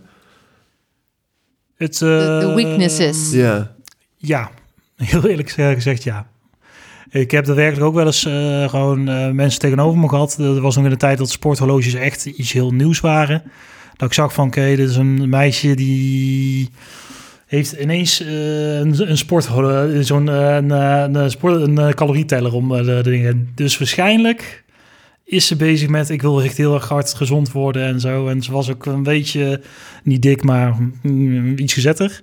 Dus je weet dan, stevig inderdaad, dus je weet dan van, die zit waarschijnlijk best wel met zichzelf aan de knoop. Oeh. Daar ga ik gebruik van maken. Dat ruik je dan. Ja. Nee, maar hoe dit het? Uh, maar je vraag was eigenlijk, ik wil beginnen over, uh, over, hoe, um, over de zelfvertrouwen van, van mensen. Maar je vraag is eigenlijk van, joh, kan je dit leren of is het een talent? Ja, precies. Zit het, zit het in je persoonlijkheid? Moet je er zeg maar al, al ja, zit het al een beetje in je of kan iedereen dit? Nou ja, weet je wat het is? Gewoon um, net zoals dat, dat mensen programmeren de ene, ene persoon beter kan programmeren en beter een Excel pivots uh, kan maken. Oh, luister. ja, ja. ja. Programmeren. Touché. Excel pivots. Nee, maar gewoon de, de, dezelfde gewoon mensen. De, je, je hebt alfa. Ja, oké, jij wint. Dan wordt hij ja. Nee, oké. Okay. Excel pivots. Nee, oké. dat jij beter bent in draaien dan nee, dat ik ben. I yield. jij serieus beter in pivots dan, dan hij? Ik leef voor draaien Ja, natuurlijk. Iedereen leeft voor draaitebellen. Ik, kan, ik, ik heb nog van mijn leven nog nooit een draaitabel gemaakt. Hoe kun je leven zonder draaitebellen? Ik snap echt niet waarom iemand geen draaitabel kan maken, ik snap het echt niet. Nee, nee dat is het mooiste wat er is. Ja. ja, ja. echt waar. Maar serieus, als ik echt gewoon nog doorheen zit uh, op werk en echt gewoon een kuddag heb gehad en ik moet nog een paar uurtjes, dan is het echt gewoon, dan ga ik in Excel en dan ga ik gewoon, nou, niet nutteloos draaitabellen maken, maar ik kan er echt van genieten om dan echt gewoon de meest complexe shit daar uh, te bouwen. Ik moet wel zeggen, ik uh, kan absoluut niet programmeren, maar ik, ik, ik, ik vat programmeren zeg maar net voldoende om te durven zeggen dat een draaitabel maken schuurt wel tegen programmeren aan hoor. Omdat wat, wat, daar, wat het met programmeren te maken heeft, gewoon uh, snappen hoe je de data kan laten doen wat jij wil. En ook al voorzien dat dit dat wel kan en dit niet. Oh kut, dan moet ik dan zo en dan moet ik nog een kolom. Dit, ja, nu kan ik de draaitabel van mijn dromen maken. Dat is eigenlijk ook een klein beetje programmeren. Eh, ik vind heel Excel is eigenlijk op een bepaald moment wordt heel Excel gewoon heel slecht testbaar software schrijven. Het is gewoon, er zijn, ik heb Excel spreadsheets gezien, die zijn ingewikkeld genoeg. Dat je zou willen dat je er unit en integration tests voor zou kunnen schrijven, maar dat kan niet. En dat betekent dat als er één keer een foutje gemaakt wordt ergens, dat je erachter komt omdat er iemand een hele hoop geld verliest een jaar later. uh, yep. dat, ja. Maar uh, ja, point taken. Dat, uh, op een bepaald moment wordt, wordt Excel gewoon programmeren. Ja. Ja, ik heb formules gemaakt van vijf regels lang en zo. Dus dat, maar, uh, maar, maar, maar, maar, heb ik dan, heb ik dan correct vastgesteld nu dat Mieke de betere programmeur in huis is? Ha, nice. Ik geloof het wel. Ik geloof dat Randall dat net heeft toegegeven. Nou, ik ben wel beter met, met details. En ik denk cijfermatig misschien wat beter. Dus qua potentie wellicht. Kijk, juist. Maar zo is het dus met onderhandelen ook. Zeg maar gewoon, je hebt een bepaalde aanleg eh, ervoor. Maar in principe, iedereen kan onderhandelen. Iedereen kan gewoon op het moment dat je een keuken koopt... in ieder geval zeggen van, joh, doe er even 10% vanaf. En als iedereen dat al doet, dan heeft heel Nederland heeft, uh, duizenden, uh, miljoenen, miljarden euro's uh, bespaard. Behalve de keukenboer. Behalve de keukenboer. Behalve de keukenboer. Dus ja, het, okay, in okay. die zin gewoon, je, je moet wel... Ehm, ik ga niet zeggen dat iedereen uh, de meest perfecte onderhandelaar kan worden, maar gewoon tot een bepaalde mate trainen. Sowieso wel. En je moet gewoon het daadwerkelijk, net zoals dat je spelletjes leuk vindt of niet. Ja, als je spelletjes niet leuk vindt, dan ga je onderhandelen ook nooit leuk vinden. Nee, precies. Dus je, je moet er wel een soort van voorliefde voor hebben om, je, om er ja, werk van te maken, lijkt me. Nee, het allerbelangrijkste uh, wat, je, wat je moet kunnen is uh, jezelf niet serieus nemen. Je verlies nemen, denk ik. Ja, gewoon uh, het echt als een spelletje kunnen zien en dan gewoon ook de werkelijk gewoon jezelf niet te serieus nemen. Gewoon niet uh, je ego uh, ja, helemaal. precies. Ego is wel een mooi, mooi woord in, in deze hele equation. Mhm. want ik heb ook een case meegenomen eh, die, die, uh, die twee van jullie dadelijk kunnen gaan doen live. En Miek wijst niet beauty case? ja, nee. Best case. Een uh, onderhandelingscasus. Oh. En dit, het is gebaseerd op een casus die ik ooit heb gehad tijdens een onderhandelingstraining. En het werkelijk gewoon, de kerel die tegenover mij zat, die uh, had zo erg geen ervaring met onderhandelen, dat hij gewoon, die vond mij verschrikkelijk irritant. Dus die gewoon, die wou niet, uh, die wou mij gewoon, die gunde me, mij gewoon niet. Ja. No matter what. Gewoon, die, die ging mij niet laten winnen. En daarom hadden we uiteindelijk allebei verloren, want niemand had een deal. Ja. Dus ja. Dus het kan uh, gewoon, en dat was dus omdat die kerel zichzelf echt veel te serieus nam. Maar die gunfactor is dus, bestaat dus echt. Ja, zeker weten. Ja. Even, want uh, die case lijkt me hilarisch hoor. Maar um, ik ben dus onder de indruk geraakt, niet zozeer door de deals die jij sluit, want die zie ik niet. Of de verhalen die je hebt, die hoor ik alleen maar. Maar toen ik je bezig zag in Weerwolven, en een van de dingen die jij mij toen vertelde is, ja, maar je, je moet die persoon spelen. Je moet gewoon snappen wat diegene beweegt. Je moet weten of die blauw, geel, groen uh, of paars is. En uh, wat, wat voor diegene, uh, oh ja, is waar die ja. naar op zoek is. En ik heb dat, um, zeg maar, op intellectueel vlak wel begrepen. Want als jij het uitlegt, snap ik het. Alleen, ik ben wellicht zo autistisch als een deur, dat ik het in het dagelijks leven gewoon niet zie. Ik kan gewoon niet snappen wat diegene tegenover mij beweegt. Dus dan zou in deze analogie zeg maar, een checklist moeten zijn, bij wijze van spreken, oké, okay, um, meisje met zo'n sporthorloge, hmm, of uh, Bink met een Rolex, die is waarschijnlijk statusgevoelig of zo. Zijn het, dat zijn de dingen? Ja, komt wel, komt wel op neer. Want daar is natuurlijk, dit is wel een, een groot deel talent, denk ik. Of in ieder geval op, ja, opgroeien. Een combinatie van talent en meters maken hoor. Dus gewoon... Um het is ook het, het, is, het is echt voor een heel groot gedeelte, gedeelte ook beter maken en gewoon ook de werkelijk uh, non-verbale communicatie gewoon goed, ja. uh, goed kunnen zien. Mm -hmm. Wat was dat... ook weer je analyse van mij? Welke kleur was ik? Ja, was volgens mij groen-blauw. Groen-blauw. Ik ben groen-blauw. Waarom ook weer? Omdat je wel analytisch uh, bent, maar ook wel van het, van het groepsproces bewaken. Zeg maar wel zorgen dat iedereen zich ja, gewoon wel gehoord en zich fijn vindt, voelt. Ja. Dacht ik. Maar wel en, meer, en... meer blauw. Gewoon op het moment dat, uh, dat ik jou iets wil verkopen uh, en dan kan je niet laten zien van oké, okay, um, uh, deze auto die heeft deze mileage en die, die, die, gaat, die heeft zoveel afschrijving en die gaat um, gewoon dit is de beste koop, gewoon objectief gezien. Ja, dan ga je hem niet kopen. Nee. Terwijl gewoon... je overtuigt mij niet met een merk Precies. of met hoe stoer ik ermee ben. Nee, en ook als ik, als ik gewoon in, in, in, als ik jou een product wil verkopen ik moet jou niet uh, je overtuigen van... oké, als je hiermee naar de baas gaat... Uh, we moesten kijken, dan heb jij gewoon, uh, gewoon gewonnen... en wordt het dan nog het Tweak grootste internetprovider van, van Nederland binnen de drie jaar. Nee, ik moet jou de grafiekjes laten zien van iedereen die ons product gebruikt. de klanten die komen bij terug, die zijn allemaal 10% gelukkiger. Die, ja, ik zou, ik, je net stijgt hier zoveel ik, door. Ik zou bij wijze van spreken liever het juiste ding doen... terwijl niemand het weet... Uh, versus uh, iedereen vindt mij de bink, maar het was eigenlijk shit. Maar je bent wel ook een, een beetje een teamplayer. Als je je voorstelt dat uh, er in het voertuigkanaal op de Slack wordt gezegd... jongens, we moeten allemaal, als we allemaal nu naar Tesla gaan... en we, ze we zeggen, we kopen allemaal een Tesla...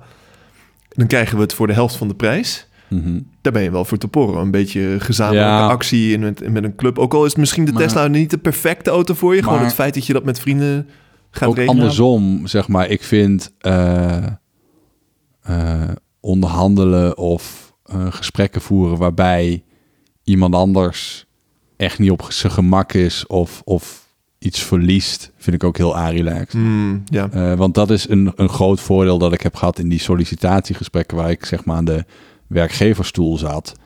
in zekere zin heb je ook niks te verliezen. En ik heb ook twee handen vol keren mensen ontslagen. Uh, ja, wat kan er misgaan? Sorry. Je kunt het echt heel slecht aanpakken en het echt verkloten. En de uitkomst is nog steeds hetzelfde. Die persoon is ontslagen en ik niet. Dus of ik daar binnen een 10 score of een 0, dan is de uitkomst hetzelfde. Dus dan, ja, weet je echt iets te verliezen? Nee. Dat is puur ongemak, meer niet. Zure appel heen, klaar. Hmm. Heel veel meer is het niet. Echt verkloten? Hmm, moeilijk. Dus um, ja, dan kun je gewoon heel rationeel zijn en zeggen: ik zet een knop om of ik neem een aanloop en ik spring van de duikplank. Maar um, ja, ik weet niet wat mijn punt was. Maar... Ah, gewoon het, het groene in jou. Dus gewoon omdat het... Uh... Oh ja, ja, dat was mijn punt inderdaad. Ik vind dat heel zwaar. Ik vind als iemand anders tegenover mij zit en die, daar, die baalt er echt van. Ja, dat is een beetje blauw inderdaad. Je vindt het belangrijk dat iedereen zich senang voelt. Nou, dat is dan blauw is meer, dat groen. Groen is, oh, uh, groen is het, uh, het, uh, dat iedereen senang voelt. Oh, dan, heb, dan heb ik een ander kleurschema geleerd. maar blauw kan zijn van oké, ja, deze persoon moet weg, punt. Dat is gewoon duidelijk. Oké, wacht even. Even een stapje terug. Want ik, ik merk nu dus duidelijk dat we het over andere kleurtjes hebben. Um, wat, wat is dit kleurenschema? wat, wat, is deze kleur? Wat is, wat is ja, dit? Het is, uh, wat is dit blauw? Volgens mij heet het het, het, het Zenit, uh, het Zenit uh, model. Weet niet 100% zeker, maar um, je hebt vier kleuren, rood, geel, groen en blauw.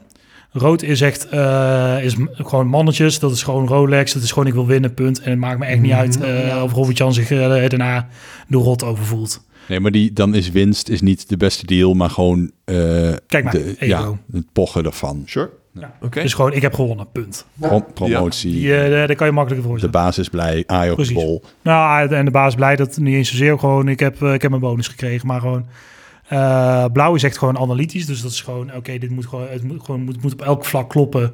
Want uh, ik heb gezien dat als ik deze brandstof uh, gebruik, dan, dan stoten we 10% minder CO2 uit, bewijs van. Dat hebben we gezien in de vorige 100 jaar dat, dat deze brandstof wordt gebruikt. Dus dit is de beste keuze. Mm. Punt.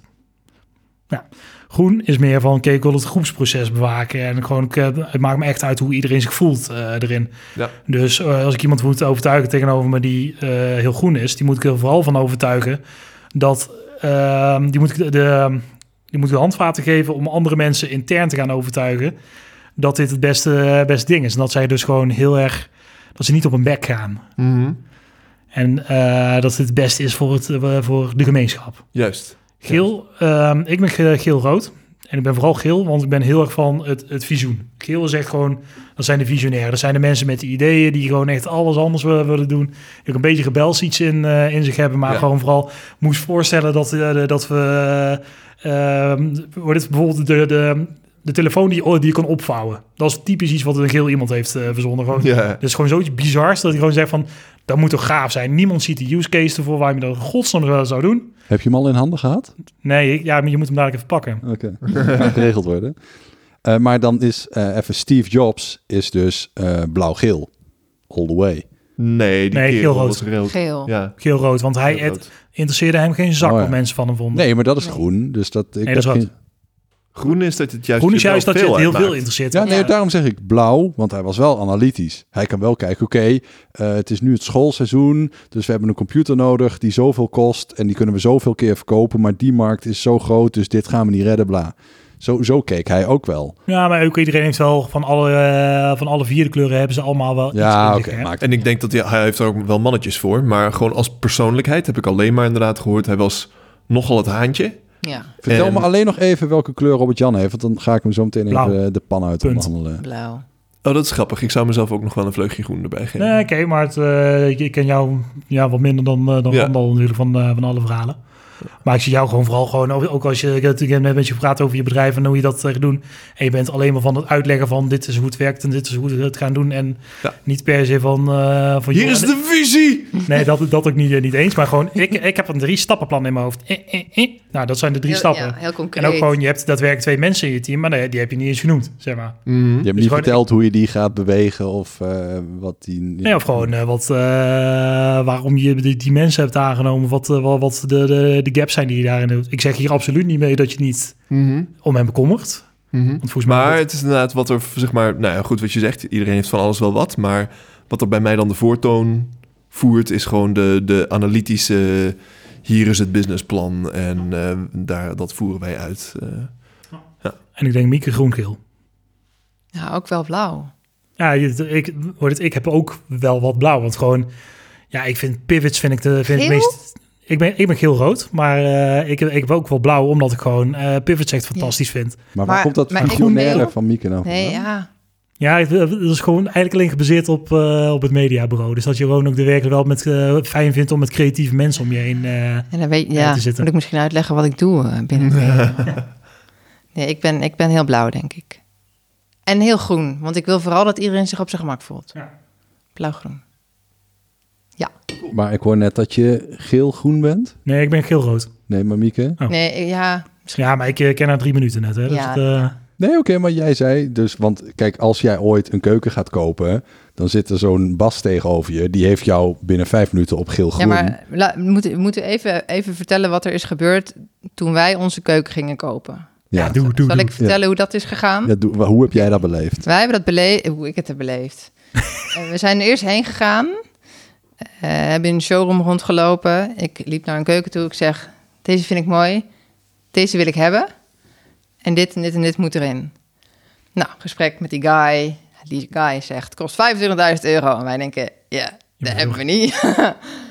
nou ja, en toen kwamen we er niet uit. Toen zijn we weggegaan. En daarna hadden we nog een afspraak. En toen heb ik tegen Randa gezegd: ga alsjeblieft in, mijn in je eentje. Want ik vind dit zo ongemakkelijk dat ik gewoon, ik wil dit echt niet. Dat is heel groen. Dus doe je best, maar ik, ik kan dit niet aan. Ja, dus terwijl- hij heeft letterlijk in zijn eentje de keuken gekocht. hoe ik het heb beleefd is, we kwamen daar en eh, we, hadden, Mika, we hadden in principe, want dat is na- namelijk, je, je slaat één stap over. Ik had al bij de IKEA keukenconfigurator de keuken die we wilden gaan kopen gewoon getekend. Dus ik wist al van oké, ik heb die, ik had letterlijk ook de papieren bij me. Dit is wat die bij IKEA kost. Dus dat was gewoon mijn anker. Dat was mijn psychologische houvast van wat hij ook roept. Ik weet gewoon, het kan ook voor dit. Dat was trouwens 6500. Alleen dat was dan wel exclusief plaatsen. Dus dan ben je, zeg maar, je komt niet op en je 10k, hebt dan- maar 9k kun je wel komen, zeg maar. En je hebt dan een, een andere kwaliteit misschien dan waar je ja, naar op zoek exact. was. En, en leidingwerk moet dan ook nog verplaatst en zo. En niemand tekent dat voor je in. Terwijl als we bij Bruinzeel zouden kopen in dit geval... eh, die hadden een deal met de aannemer, dus die konden dan vooraf inmeten, bla bla. De leidingen kwamen dan... Als de leidingen niet klopten, was het hun probleem. Dus dat was een voordeel. Precies. Dat weet hij ook. Ehm, dus wij zeggen van nou, we willen die en die eh, eh, kleuren, bla bla. Uit de showroom dat, eh, ja, ze hebben zo'n lijn of een serie of hoe dat dan ook heet. Ehm, nou, die willen we dan. Nou, dus wij daar tekenen hoe we die keuken ongeveer willen. En hij zei tegen mij, wat denk je ongeveer dat dat gaat kosten? Oh, Ja. klassiek. Ja, inderdaad. Want als, je, als jij 33k had gezegd, dan was het 35k geweest. Ja, Ja. precies. Ja, ja. Ehm, dus ik zei, nou, nou, volgens mij kan dit wel voor 6500. en toen, maar weet je nog hoe die daar zat? Echt- nee, nee, maar echt. Nee, maar hij, want hij deed een, wat, wat, wat je in de vakterm dus een flinch noemt. Weet ik, wist ik toen niet, weet ik nu wel, maar ik herkende het wel. Mm. Ik wist niet dat een flinch, want hij deed nee, met zijn hoofd zo heen en weer heel overdreven. Nee, nee, dat gaat, dat gaat nooit gebeuren. Echt nooit. Nee, nee, je moet je zeker op 25k rekenen. Nou, zo, en, en toen zat ik gewoon daar tegenover hem. En eh, ik heb gezegd, ja, dat, dat kan wel zijn. Maar kijk, ik heb hier een offerte waar het voor 65 kan. ja, maar de IKEA, die Ikea. hebben allemaal geen... Dat is triplex en dat is geen multiplex en bla. Nou, dan komen al die argumenten waarom Ikea Ja, kut hij, is. Veel te veel heeft, praten. Die dag- weet hij wel. Hij weet Ja, hij heeft die dag heeft hij al tien randels voor, voor zijn neus gehad. Dus het, Precies, eh, dus hij weet donders goed waarom IKEA kut is. En dan kunnen ze niet inmeten en dan gaat het altijd fout. En dan moet je zelf weer voor garantie terugbrengen, bla bla. En dan, ja, oké, dat ik hoor je. Maar ik heb toen ook gezegd, waar Mieke bij was, van ja, maar het kan dus wel voor 65, 100. Ik bedoel, Awkward! ja, is ook awkward. Maar dat vind ik dan wel humor. Want dan denk ik bij mezelf gewoon, omdat je niks te verliezen hebt, kan altijd de IKEA-keuken nog kopen. Ja. Maar dat is dan je, om je, ja, je eigen niet Gezichtsverlies. Ja, maar ook gewoon, ja, ik, ik ben dan, ik vind die ongemakkelijkheid niet zo erg als ik gewoon weet, ja, weet je, al, al, al wordt het niks, ja, dan gaan we eh, gewoon naar Barry, Ikea. uit, eh, Barry van Bruinzeel, die zie je nooit meer van je leven. En dat Dus ja, vind ik, eh, wat. Vind ik ook fijn aan Ikea. Niet dat ik een Ikea-keuken wil, maar ik weet gewoon wel, da- daar heb je gewoon de rust in je bol. Dit is wat die kost. Ja. Klaar. Ja, nou en dat, ehm, goed, tot op zekere zin mag je daar wat mij betreft als bedrijf een, een business model van maken. Het afkopen van mijn ongemak. Dat als ik bij jou een online configurator heb en ik hoef niet met iemand te ba- soebatten over wat dat dan moet kosten. Verkocht. Kla- Ja. Graag. Maar ook eh, Barry van Bruinzeel, die is maar om één reden werkt hij daar. Gewoon, eh, dus je hebt er ook gewoon online configurators. Dus de enige reden waarom Barry daar werkt, is om jouw eh, geld afhankelijk te maken. Dus eh, stel je voor dat Barry eh 60k per jaar kost. Ja, de, de, dus dat is gewoon met alle kosten van, van de werkgever erbij, is dat gewoon een ton met gemak. Nou, hoeveel, hoeveel eh, keukens zal hij verkopen op een dag? Eén? Ja, dus daar moet hij op in ieder geval per, per werkdag moet hij zeker 500 tot 1000 euro in het laadje brengen Ja, extra ten opzichte van en, een... eh, nog, wel meer natuurlijk, want gewoon het, eh, moet het werkelijk gewoon nut- nuttig eh, maken. Ja. Dus maar gewoon als je dat al realiseert van, oké, die, ke- die kerel is er maar met één reden. En dat is gewoon mijn geld afhandig maken. Dus elke minuut dat ik met hem praat, kost hem geld en win ik. Gewoon als je dat al in je hoofd hebt, gewoon dat, eh, dat gewoon, het maar blijven uitsmeren, daarmee win je, daar- daarmee heb je al geld verdiend. Nou ja, in ieder geval hem geld gekost. Ja, precies. Maar gewoon eh, op het moment dat, dat hij gewoon zelf denkt van nou, dit gaat helemaal niks worden met die gast, dan houdt hij, dan houdt hij ook op. Dus ja, dan, is het, dan, heb je, dan heb je het ook al. Gaan we nu een rollenspel doen? Ja, die, Ja. die case vind ik wel interessant. Wie wil de koper zijn en wie wil de verkoper zijn? Ik wil de koper zijn. Dank u. Oké, heb jij nu ook een koperdracht? Want dan, eh, Om te spieken. ja, dat mag niet. Ja, heb je ook nog een koper voor Mieke? Jazeker. Dat die, ja.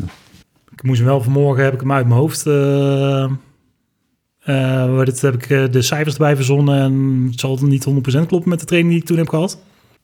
Maar dit was dat verhaal wat ik net zei van die kerel die hem het echt zo hard niet gunde dat hij maar gewoon besloot. eh, nou, lieve luisteraars, om het even in te leiden. Deze twee mannen die gaan een, een heel zeldzame postzegel eh, van elkaar proberen te kopen, dan wel te verkopen. Randal is de koper en eh Robert-Jan is de verkoper. En ze hebben vijf minuten om eh, de deal te sluiten. Dus ik ga ook zo ook even de timer in. eh, Oh god, de stress. en we gaan gewoon kijken wat, eh, hoe dit gaat lopen. Zijn jullie zenuwachtig? Nee. Nee, Nee? nee. Maar wel erg geïnteresseerd. Timer vijf minuten. Oh, en jullie moeten eruit komen trouwens. Nee, ik ken Robert-Jan helemaal niet. Je moet even doen alsof we elkaar niet kennen. Dat is wel lastig. Een fucking Siri, die, gewoon, die, die is nog steeds aan het denken over het feit timer vijf minuten. Je telefoon staat op airplane mode. Het kan- Arme horloge kan ook helemaal niks zonder een... eh, Nou, en jullie moeten eruit komen, hè? Ja, Once again. Kijk, Van jou? Dat, oh ja, oké. Dat er niet uitkomen, dan eh, zitten we hier straks als een of andere bas. je bent al vier minuten, eh, vier seconden kwijt. Oh god. Hey, eh, ik zie dat je eh, deze eh, prachtige duivenpostzegel hebt. Ehm, wat, wat, wat denk je dat dat ding ongeveer waard is? Eh, volgens mij de laatste keer dat ik checkte was die rond de 16k. 16k. Oké. Ehm, ja, ik wil hem eigenlijk wel hebben. Laten we eerlijk zijn. Ik, ik heb niet veel tijd. Ik moet er zo vandoor. Ehm kijk, ik weet dat 16k, eh, ze gaan er wel af en toe voor. maar er zijn er nog wel een aantal van. Zou je 12k kunnen handelen? Hm, hm, hm. Oké. ehm, laat ik het zo zeggen. Als je je cash bij je hebt, dan is 14,5 te doen. Oké, dat is fair enough. Ik snap 14. Ehm, want het probleem is een beetje, ik schaam me kapot. Ehm, ik kan tot 13,5 zo aftikken. Ah, Ik, ik heb gewoon niet meer. Hm. Dan ben ik gewoon rond en dan, dan Als in, je hebt, je hebt 13,5 op Ja. zak. ja. Nou, weet je wat? Als je op 14,5 op, op, op zich oké zou vinden, dan tikken we gewoon nu de 13,5 af. Mhm. En die 1000, daar stuur ik je dan een factuur voor, voor later. Een factuur voor. Als in, dat kunnen we later regelen. Daar heb ik geen haast mee. Dat weet je, als we die... eh, dan eh, mag je hem van mij nu vandaag meenemen en dan regelen we de rest. ik heb nu nog een paar... Ja, ik sta op het punt nog een andere postzegel te gaan kopen. Eh, die had ik eigenlijk al wel over... een-. Ik kan je 14k geven, nu. Dan zijn we gewoon rond. En dan moet ik een andere postzegel afzeggen. Maar dit, ik wil deze wel hebben. Ik heb een, klant die deze graag over wil nemen. Die heeft gezegd, nou, ik heb 14. Ik heb nu ook 14 bij me. Ik kan je 14 geven. Als jij, maar als jij nog zo ontzettend enthousiast bent over die andere postzegel, dat kan. Doen we nu, wat zei je, 13 of zoiets dergelijks. En dan stuur ik je voor de overgebleven 1500 een, eh, gewoon een, een later eh, aftik eh, gevalletje. Laat aftikgevalletje. Zou mooi zijn. Ik, eh, ik geef de voorkeur je gewoon nu 14 te geven. En dan, eh, dan zien we elkaar nooit meer. En misschien wel heb je nog een mooi postzegel.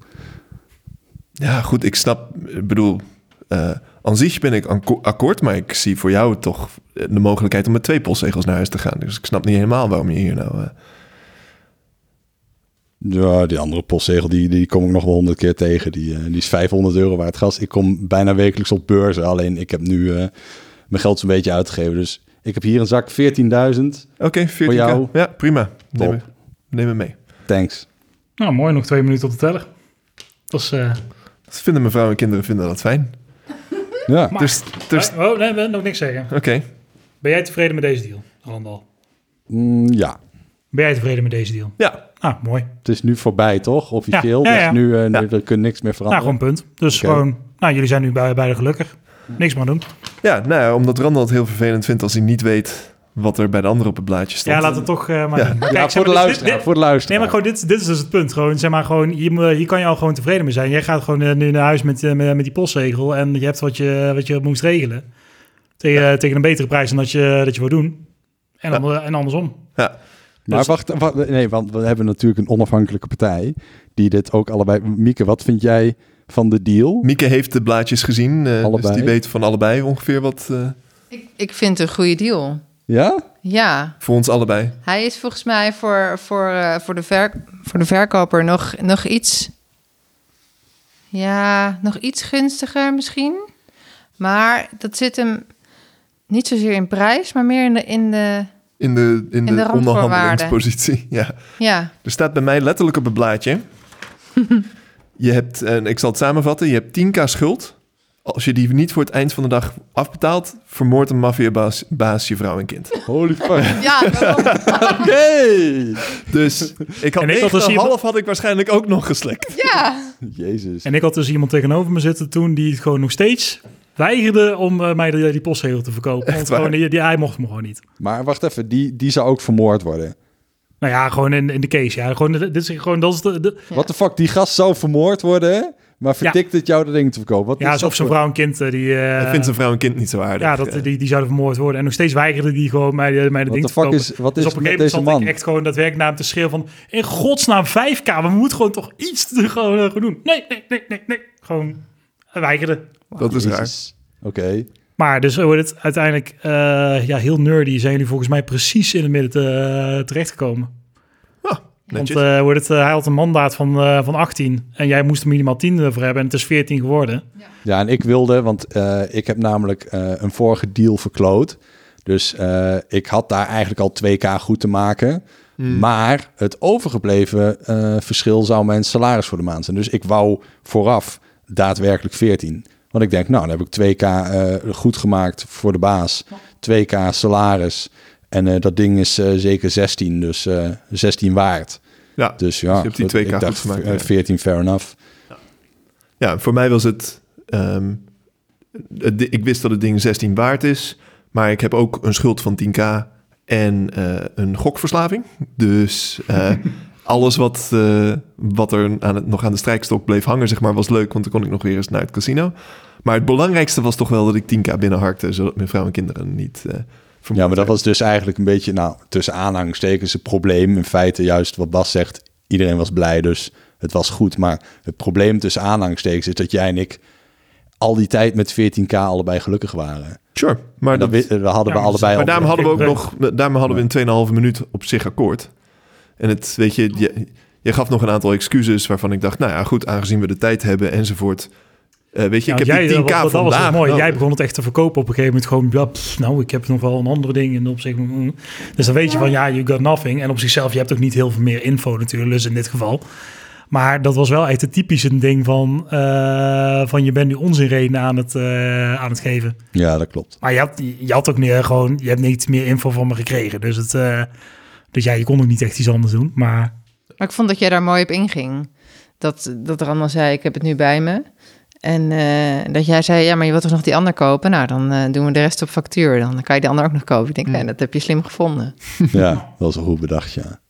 Dus eigenlijk inderdaad die bullshit redenen, daar, pri- daar, daar prik je zo doorheen. Ja, Ja, als je goed oplet. Ik ik- had, Ja. ja. ik zag hem inderdaad. Ja. ja. een feit. En heeft dat jou geld gekost ook daadwerkelijk? Nee, want jij, ja. want jij bleef toen wel gewoon eh daaraan hangen. Ja, hij- hij- nou ja, goed. Ja, ik denk dat ik me zekerder van mijn zaak voelde doordat ik wist dat hij zat te Ja. dallyen. Dus dat ehm, als hij zekerder had gezegd van... ja, nee, het spijt me, ik kan echt niet meer dan 13,5... Mhm. Want dat is wat ik op zak heb. En Ja. ik heb niet de autoriteit om voor later te tekenen of whatever. Dan had ik de 13,5 geslikt. Ik had ook een 12 of een 11 geslikt uiteindelijk. Als ik het gevoel had van ja, het kan echt niet anders. Maar omdat je een beetje zat te hemmen en haaien...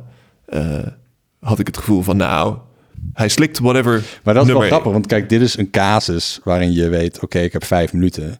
Alleen in het echte leven eh, weet je heel veel van die randdingen niet. Kijk, dat hij voor elf ook had gegaan, dat zou je nooit hebben geweten. Nee. Precies. Dus eigenlijk is dat een beetje de les van de avond als we deze hele aflevering in één zin moeten samenvatten. Is op het moment dat je ehm, in de marge waarin je allebei happy bent eruit komt, dan is dat heel goed. Dan heb je een goede deal, punt. Maar ik heb ook een beetje geleerd dat je lang niet altijd achteraf nog weet of gaat weten of hoe happy beide partijen waren. En daarin komt dat hele relatiemanagement Ja. van pas waarin je zeg maar van 12 uur de klok vult tot nog eens 12 uur en dan overal gaandeweg steeds betere relatie opbouwt. Op een gegeven moment met mensen herhaaldelijk deals moet sluiten en ook vaker nee, door een deur moet, dat dat op een gegeven moment duidelijker wordt en ook van groter belang. Hmm. Weet je wel, dat je, dat je om de beurt een beetje geeft en neemt. Ja, je moet ook gewoon daadwerkelijk... ehm, ik, ik, ik gun daadwerkelijk eh, mijn klant vaak zat dingen waarvan ik niet iets per se iets... oh, eh, een van de regels van onderhandelingen is ook dat je eh, iets wat je terugvraagt... dat je vraagt iets aan degene wat meer waard is voor jou dan voor, eh, dan, dan voor degene die het verkoopt. Ja, Op, het, is, het komt het werk gewoon hoe verder je in een relatie met elkaar... of een, in een vertrouwensrelatie met elkaar komt... en dat je elkaar ook vaker nodig gaat hebben... mhm. Het is daadwerkelijk ook vaak zat gebeurd dat ik gewoon een, een klant iets toezeg of iets geef met het idee van joh, dit ga ik driedubbel deur terugcashen op, eh, op een later moment. Omdat ik juist nu gewoon een vertrouwensband met, eh met ik heb vaak zo gehad dat iemand gewoon zei van joh, ik zit nu echt in de shit. eh, we hebben per ongeluk dit en dit, deze actie nu deze week ingezet. En ja, het was echt niet de bedoeling, maar gewoon het is te laat om terug te draaien, want de folders zijn al gedrukt. Kan je, mee, kan je hier iets mee? En dan dan ja, zucht, kreun, steun, kreun, zucht, steun. Ja, nou vooruit dan, ik, ik kan, hem wel vergoeden voor je. Maar you owe me one. Ja. Ja, en dat zeg ik niet eens bij, maar gewoon ik weet Ja. wel dat gewoon eh, op een ander moment, op het moment dat zij moeten kiezen tussen Nivea of Unilever, dat ze dan eh, in mijn vorige baan dan eh, voor Nivea zouden kiezen, omdat ik gewoon een andere keer hen geholpen heb. Maar het Ja. lijkt dat je weet ook een, een, voor een deel waar zo'n piketpaaltje staat. Je weet een beetje waar hun lijn ophoudt. Je weet, ik kan wel net iets meer vragen nog eh, dan de absolute bodem. Want ja, die gast staat met de rug tegen de muur. Ja, en, en in dit geval heb ik niet gewoon op. de- Ik heb ook vaak zat op zo'n moment gehad van, joh, eh, jij hebt nu even dit nodig. Eh, een andere zaak komt er niet, aan, niet uit. Bijvoorbeeld, we hebben een nieuw product dat, eh, dat je nog niet akkoord mee bent om opgenomen te worden. Joh, weet je wat? kan jij dit, dit product eh, voortaan op de plank zetten? Dan uh, vergoed ik deze promo en dan hebben we het nergens meer over. En dat dat dan dus ook gewoon zo gaat. Ja, Hm. Het is wel grappig dat je dus inderdaad figuren daar hebt zitten... die ook daadwerkelijk de autoriteit hebben om dat te doen. Want als, Hm. Als zeg maar een, een, een, een leverancier van ons zegt van... joh, eh, ik kan je nu matsen... maar dan moet je de komende zoveel jaar ons product voeren. Dan zeg ik, gast, je denkt dat ik dat nu ga toezeggen. Ja. Ik weet niet waar de concurrent volgend jaar mee uitkomt. Hallo, als zij voor de helft van het geld een apparaat op de markt brengen... dat twee keer zo snel is, wat, wat denk je dat ik doe dan? Nou ja, dan kan je altijd nog zeggen van, ja joh, dan heb ik natuurlijk de intentie om dan met jou door te gaan. Maar weet ook gewoon, eh, het kan verkeren. Ja. En gewoon zolang je daar gewoon duidelijk over bent. En Wat elkaar- bijvoorbeeld in mijn branche een heel groot ding is, namelijk is cashflow.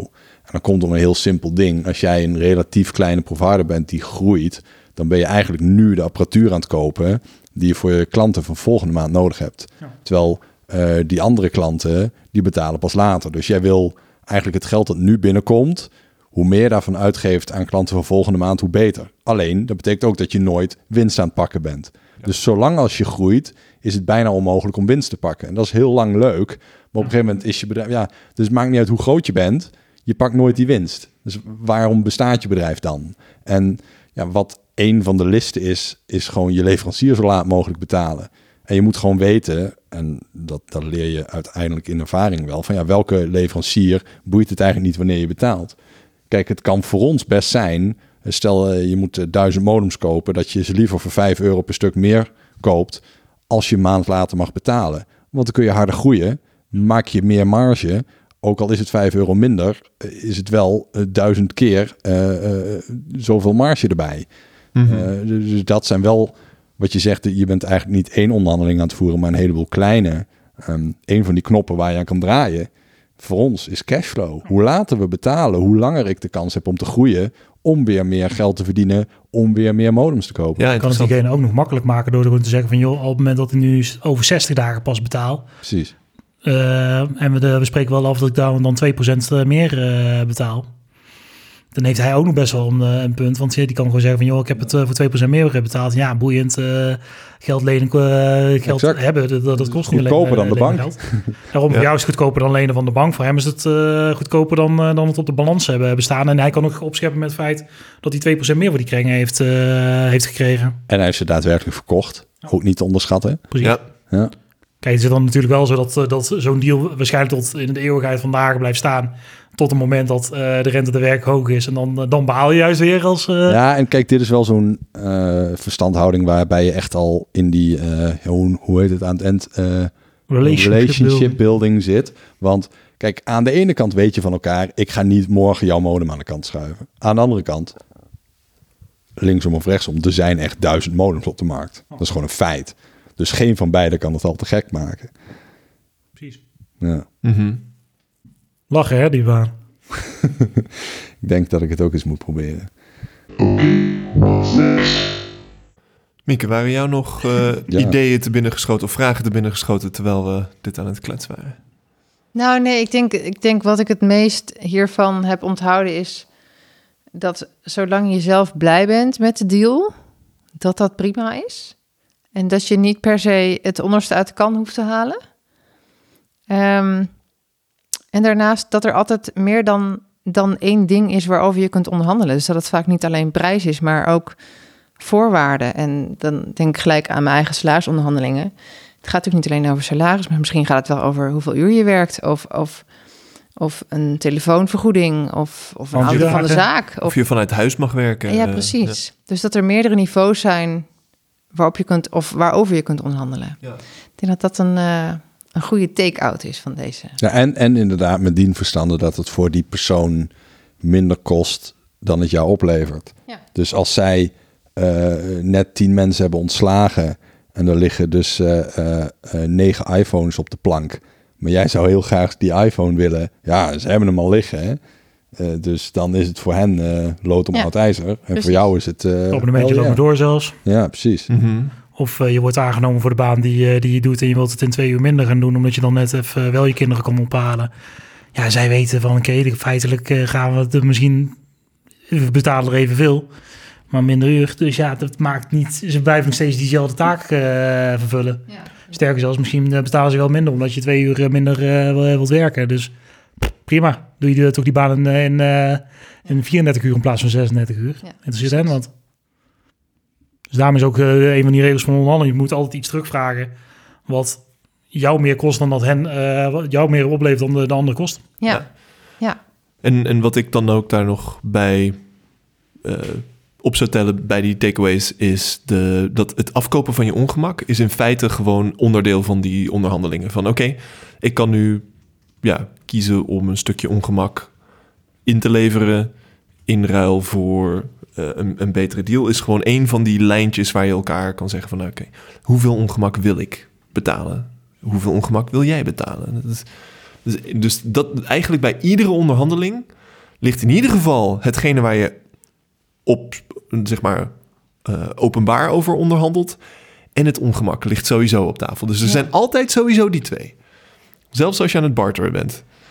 Dus uh, op de Turkse bazaar op een slipper. Uh. En, en is het zo, want ik kan me nog herinneren van die paar weken in mijn leven dat ik dacht me te moeten verdiepen in het hele pick-up artist gebeuren. ik was single. Het heeft gewerkt op Mieke. het heeft gewerkt op Mieke. Dat was een van de... Ben ik erin getrapt? Nou ja, nou ja voel, je erin, voel je erin getrapt? Ja. Ben je blij, ben met, je blij met deze deal, inderdaad? ik ben blij met deze deal. Goed zo. Uh, ben ook niet je zou zoveel beter kunnen krijgen. Vertel nog eens wat je achternaam ook alweer is. Zelfs als mij. Um, dat eigenlijk ten alle tijden op het moment dat uh, um, de vrouw in kwestie die je aan het uh, pogen was te versieren uh, iets van je vraagt, je per definitie een tegenprestatie moet vragen. Omdat je anders de ja, ik weet, ik weet de terminologie niet meer, maar dat, dat moest per definitie. Want op het moment dat zij iets van jou vraagt en jij doet dat gewoon punt, dan ben je zeg maar eh, de, de, vriend of de, de, de, de bekende of de, de, de bijzaak. Terwijl op het moment dat je iets terug moet doen, ten eerste je hengelt die persoon terug. Ten tweede psychologisch maak je het feit uh, maak je dat jezelf je iets doet wat waard en, en, en, en is er een, een, een, je bent nog steeds aan het pingpongen, zeg maar. Die, terwijl een, een, een, klassiek voorbeeld, en dat gebeurt ook daadwerkelijk als je dit gaat proberen in de kroeg. Je bent met een meid aan het praten en, uh, en haar vriendinnen zijn er vlakbij. En dan, oh, kun je een foto van ons maken? Nou, als je die foto maakt en je geeft haar dan die telefoon en ze staat nog tussen die vriendinnen, dan ben je er kwijt. Die is gewoon weg, weet je wel. Mhm. Dat, dat, kun je gewoon voorstellen. Tot op het moment dat je zegt, is goed, um, maar dan wil ik ook met jou op de foto. Ja. Nou, uh, dan is de, de, de, de, prima, je maakt twee foto's. Daarna kom je ertussen staan en dan doe je een selfie en, en dan, dan, dan pak je de hand, loop je weg en zeg kom, we gaan die foto's kijken. Mm. Nou, hey. Mm. Um, even afgezien van hoe sleazy het is en afgezien van um, of het je lukt of niet, maar gewoon de, de psychologie erachter is wat je ook doet, altijd een tegenprestatie. Uh, is dat bij onderhandelen, is dat herkenbaar? Is, zit daar wat in? Ja, zeg maar, moet je altijd iets terugvragen? Ja, gewoon. Uh, en er, zijn altijd dingen te verzinnen die gewoon voor de anderen heel veel waard zijn en voor jou niet. Of uh, die, die jou niet zoveel interesseren. Dus bijvoorbeeld dat voorbeeld van je koopt een huis en het moment van... Um, het moment van, van, eh, van overdracht kan, eh, kan je als verkoper kiezen. Of je zegt, ik hoef niet voorbouwd van financiering. Want je weet gewoon, oké, deze dit huis ga ik twee ton voor betalen, maar ik zou zes ton kunnen, kunnen lenen. Maar de andere partij die heeft juist iets van, oké, we hebben er niet de zekerheid van dat dit gaat gebeuren. Mm ja, maar dat soort zaken, gewoon, je, kan, je moet altijd gewoon iets terugvragen wat voor jou meer waard is dan, of, voor jou meer waard is dan dat voor de ander om te krijgen. Zeg ik dat goed? Ja, ja. Nou, en, en, ik denk dat in de uh, pick-up wereld, als ik me dat zo een beetje voorstel, zit er een beetje een, een machtsbalans geval tussen. Weet je, als jij um, aantrekkelijk wil zijn, dan moet je ook een beetje machtig en krachtig lijken. Dan moet je lijken alsof je de... Alpha-man. Ja, een beetje een, een, een alfa, maar ook als... Uh, uh, nou ja, als het dan een, een, een mannetje en een vrouwtje is, als dame wil je ook niet als goedkoop weggezet worden. Dus je wil ook een beetje dat die machtbalans houden, zeg maar. En dat is dat pingpongspelletje dat Randal het over had. En ik kan me voorstellen dat dat ook op de... Uh, in ieder geval op een, een, een, onderbewust niveau, ook bij onderhandelingen um, zo is. Ook op de, als het zakelijk is. Je wil niet het gevoel hebben van... hé, hey, jullie lopen gewoon altijd over mij heen. Uh, en uh, jullie vinden dat ik niks waard ben, maar... ja, nou, dat... Een, een dame die vindt het heel fijn om te weten dat een man echt voor de gevochten heeft en echt het best voor hebben moeten hebben gedaan. En ook laten we eerlijk wezen, gewoon als man is het ook zo dat je gewoon als het echt is van, hey, ga je mee? En joh, ze gaat mee, dan denk je ook van, oké, hier is iets mis mee. Dus ook bij omdat, een beetje onderhandeling is het ook daadwerkelijk zo van, je moet echt gewoon het gevoel geven aan de andere partij dat je echt het ondersuiten kan hebt gehad. En dat het echt gewoon dat, dat, dat je het vel over de benen is getrokken. En dat echt gewoon... Um, bijvoorbeeld als, als, als ik het uiteindelijk een jaardeal sluit... dan is het echt gewoon... Ja, shit. Nou, uh, even rekenen. Nou, weet je wat? Uh, geef me even vijf minuten. Ik ga even de gang op en dan ga ik de baas bellen. En dan, ja, ik, ik ga kijken of ze ermee akkoord kan gaan. Maar ik, ik, kan het niet beloven, maar... Ja, weet je, ik, ik heb het alles gegeven wat, wat ik kon. En ik, ik snap dat jullie ook echt niet verder kunnen gaan, maar ja, dat, uh, laat me het even bespreken. Nou, je loopt naar de gang, belt de baas op. Hey, we hebben ze binnen. Sukkels. Oh, Oké, ik zie je zo. Doei. En dan gaat weer terug naar binnen. Ja, nou... Zegt gewoon... Ik weet niet of ik hier volgend jaar nog weer aan tafel zit, nee, maar precies. Het, uh, ik weet niet of het... Uh, ik, ik heb echt gezeik gekregen. En gewoon, ik weet niet hoe, het, hoe de directeur het gaat vinden. Maar ja, ja, we moeten gewoon verder. Dus ja, laten we maar gewoon... Ja, nou, het, ja, het moet maar. Dus nou, Oké. Nou, dan heb je dus als tegenpartij heb je echt het gevoel van... oh, die kerel die zegt helemaal... die heeft echt alles voor gegeven. En uh, ja, en dan krijg je een veel beter gevoel van. Dus dan is ook die, die 14k van jullie van net. Ja, je, hebt, uh, je had een veel stuk beter gevoel gehad als uh, Robert-Jan het keihard aan het janken was van... Nou, echt waar, dan oké, nou, dat moeten we zo... Zijn ze zo bijvoorbeeld... Ja, ik bedoel, hij was wel pittig koudbloedig over ja. vrouwen en kinderen. Hoor. Precies. Nu ik eraan terugdenk. Ja, maar kijk, bijvoorbeeld een, uh, een loodgieter komt hier binnen omdat je kraan lekt en die zegt, loop er binnen en zegt, nou, 50 euro.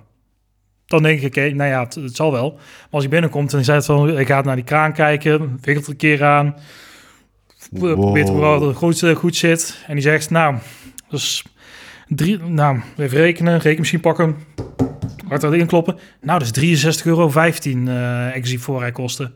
Dan denk je van, ja, dat klopt in ieder geval. Weet je, dat is gewoon, mm. zeg maar, de, het theatrale uh, is, is echt ook wel wat voor nodig. Je moet ook het gevoel krijgen dat je ervoor gevochten hebt.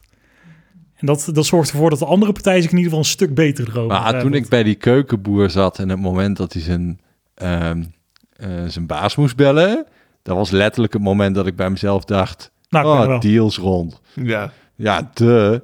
Dus de baas bellen, flikker het op. Dan denk je dat die baas zit te wachten op drie belletjes per dag. Hij heeft, hij heeft zijn baas niet eens gebeld, joh. Tuurlijk. Ging gewoon Snake spelen. Snake! Ja. maar dan zo. Dat je je baas wilde. Hey pik, lol. Ja. en gewoon, die heeft zijn vrouw gebeld met wat twee, terwijl ik vanavond moet nog iets meenemen. Ja, precies. Daarom, dus het, uh, maar het, zijn allemaal dat soort kleine, kleine trucjes. Net zoals gewoon, uh, als iemand gewoon daadwerkelijk zegt, ja, over die prijzen uh, kunnen we niet onderhandelen. Zeg maar, dat is gelijk gewoon zo'n truc waardoor je de, de daarmee heb je 80% van de mensen die je tegenover je hebt al gewoon, oh, oké, okay, nou, dat, dat kan dan dus niet. Ja. Bam, gelijk, uh, gelijk weg. Ja. Net zoals dat überhaupt de reden dat uh, dat Terwijl jij denkt dan bij jezelf, oké, ten eerste lul je uit je nek. En ten tweede, er zijn nog 27 andere parameters dan prijs. Precies. En het gesprek begint bij nee. Dus het... Uh, maar het is hetzelfde als dat, dat er salarisschalen bestaan. Dat is alleen maar voor zodat zo'n HR-man kan zeggen... ja, nou, dit is de, de, schaal en je zit op, op de hoogste treden. Mm. Ja. Ja, lul niet. Je kan, je kan ook die, naar die andere treden, treden doen. Gewoon, het zijn allemaal van die trucjes waardoor je gewoon gelijk de onderhandeling zelf al afkapt. En uh, ook omdat mensen hun ongemak niet durven af te kopen. Mm Werkt het gewoon ook uh, super vaak. Ja, het mooiste is altijd, dat klinkt een beetje alsof ik nu, nee, maar het mooiste is als je inderdaad kunt wijzen naar bijvoorbeeld de wet. Ja, ja dan heb je van de uh, Consumentenbond die zegt nee, een wetkoop op afstand zegt dat je twee weken bedenktijd hebt. Ik kan jou drie maanden bedenktijd geven als ik wil. Er staat niet dat, ja, nee, sorry, is wettelijk geregeld, is twee weken. Ja, weet je, en dan heb je... Ja, oké, dat klinkt heel dom, maar er zijn echt best wel veel gesprekken die daar makkelijker van worden. Want uh, ja, wat, wat wij vaak tegenkomen is dan iemand die denkt... oh, dus als ik een glasvezelabonnement neem, dan komt glasvezel er. Oh, cool. Nou, dan uh, komt die glasvezel, dan graven de tuin open, die uh, leggen die kabel, die, dan noemen ze hassen... maar dan, dan brengen ze dat glasvezelpunt in je meterkast... en dan monteren ze af en dan komt zo'n doosje aan, een lasser en een meetploeg... en die pulsen het door, oké, het werkt. Je bent 200 nou, euro Gaan we weg. Nou, wat? Duizend. Oké, okay. dat weet ik veel. En uh, gemiddeld vuistregel per adres in Nederland aansluiten is duizend piek. Nou, dat zit het hele project bij, maar die, uh, uh, oké. Dus stel dat je een huis moet na-aansluiten, kost zo'n 400 euro per adres. Dus dan ligt de vezel voor je deur lang, voor je erfgrens langs. Dan na aansluiting 400 piek, oké. Dus je moet altijd dus, een jaar iemand binnen hebben gehouden. En wat zo'n klant cent, uh, cent verdient. Ja, wat zo'n klant soms wil, is die denkt: hey, uh, die glasvezel zit hier nu binnen. Prima, nu is mijn huis meer waard. Ik wil dat abonnement eigenlijk niet. Dus uh, nu cancel ik mijn abonnement. Ja, maar weet je, dat kan niet. Als, je, als, als mensen dan hun abonnement kunnen opzeggen, dan kunnen wij überhaupt niet bestaan. Weet mhm. je wel? Dus Um, als iemand zegt van ja, shit, uh, er is iemand overleden, ik ga verhuizen en het, het wordt pas over een half jaar aangelegd. Eh, of je dan coulant kunt doen, uh, vast wel. Maar er zijn dus mensen die zeggen van nou, ik heb het net aangesloten. Oh, ik heb opeens een reden dat ik het toch niet meer hoef. Ja, weet je, nee. uh, ik vind de kleur van de kabel niet zo mooi. ja, het is zo ingewikkeld allemaal. dat vind ik een mooi moment om misschien te zeggen... misschien moeten we er een eindje aan breien. Subtiel. Het, uh, het klinkt inderdaad allemaal erg ingewikkeld in de oren... maar een stuk behapbaarder met, uh, met deze uh, wijze lessen in het achterhoofd. Dankjewel. Of course, vond leuk. Thanks. En, Gezellig om, uh, om jou er een keer bij, te, Ja. bij te, gehad te hebben, Mieke. Ja, ik vond het leuk om een keer eh, mee te praten. In, Nou, eh, klets gewoon nog een keertje mee. ja, Leuk, gezellig. gezellig. Maar Robert-Jan, Wat dan? Als je nou eens gewoon lekker in Nederland komt wonen... De kans is nu groter dan dat die eerder was. Maar daar moeten we het een keer een andere episode over hebben.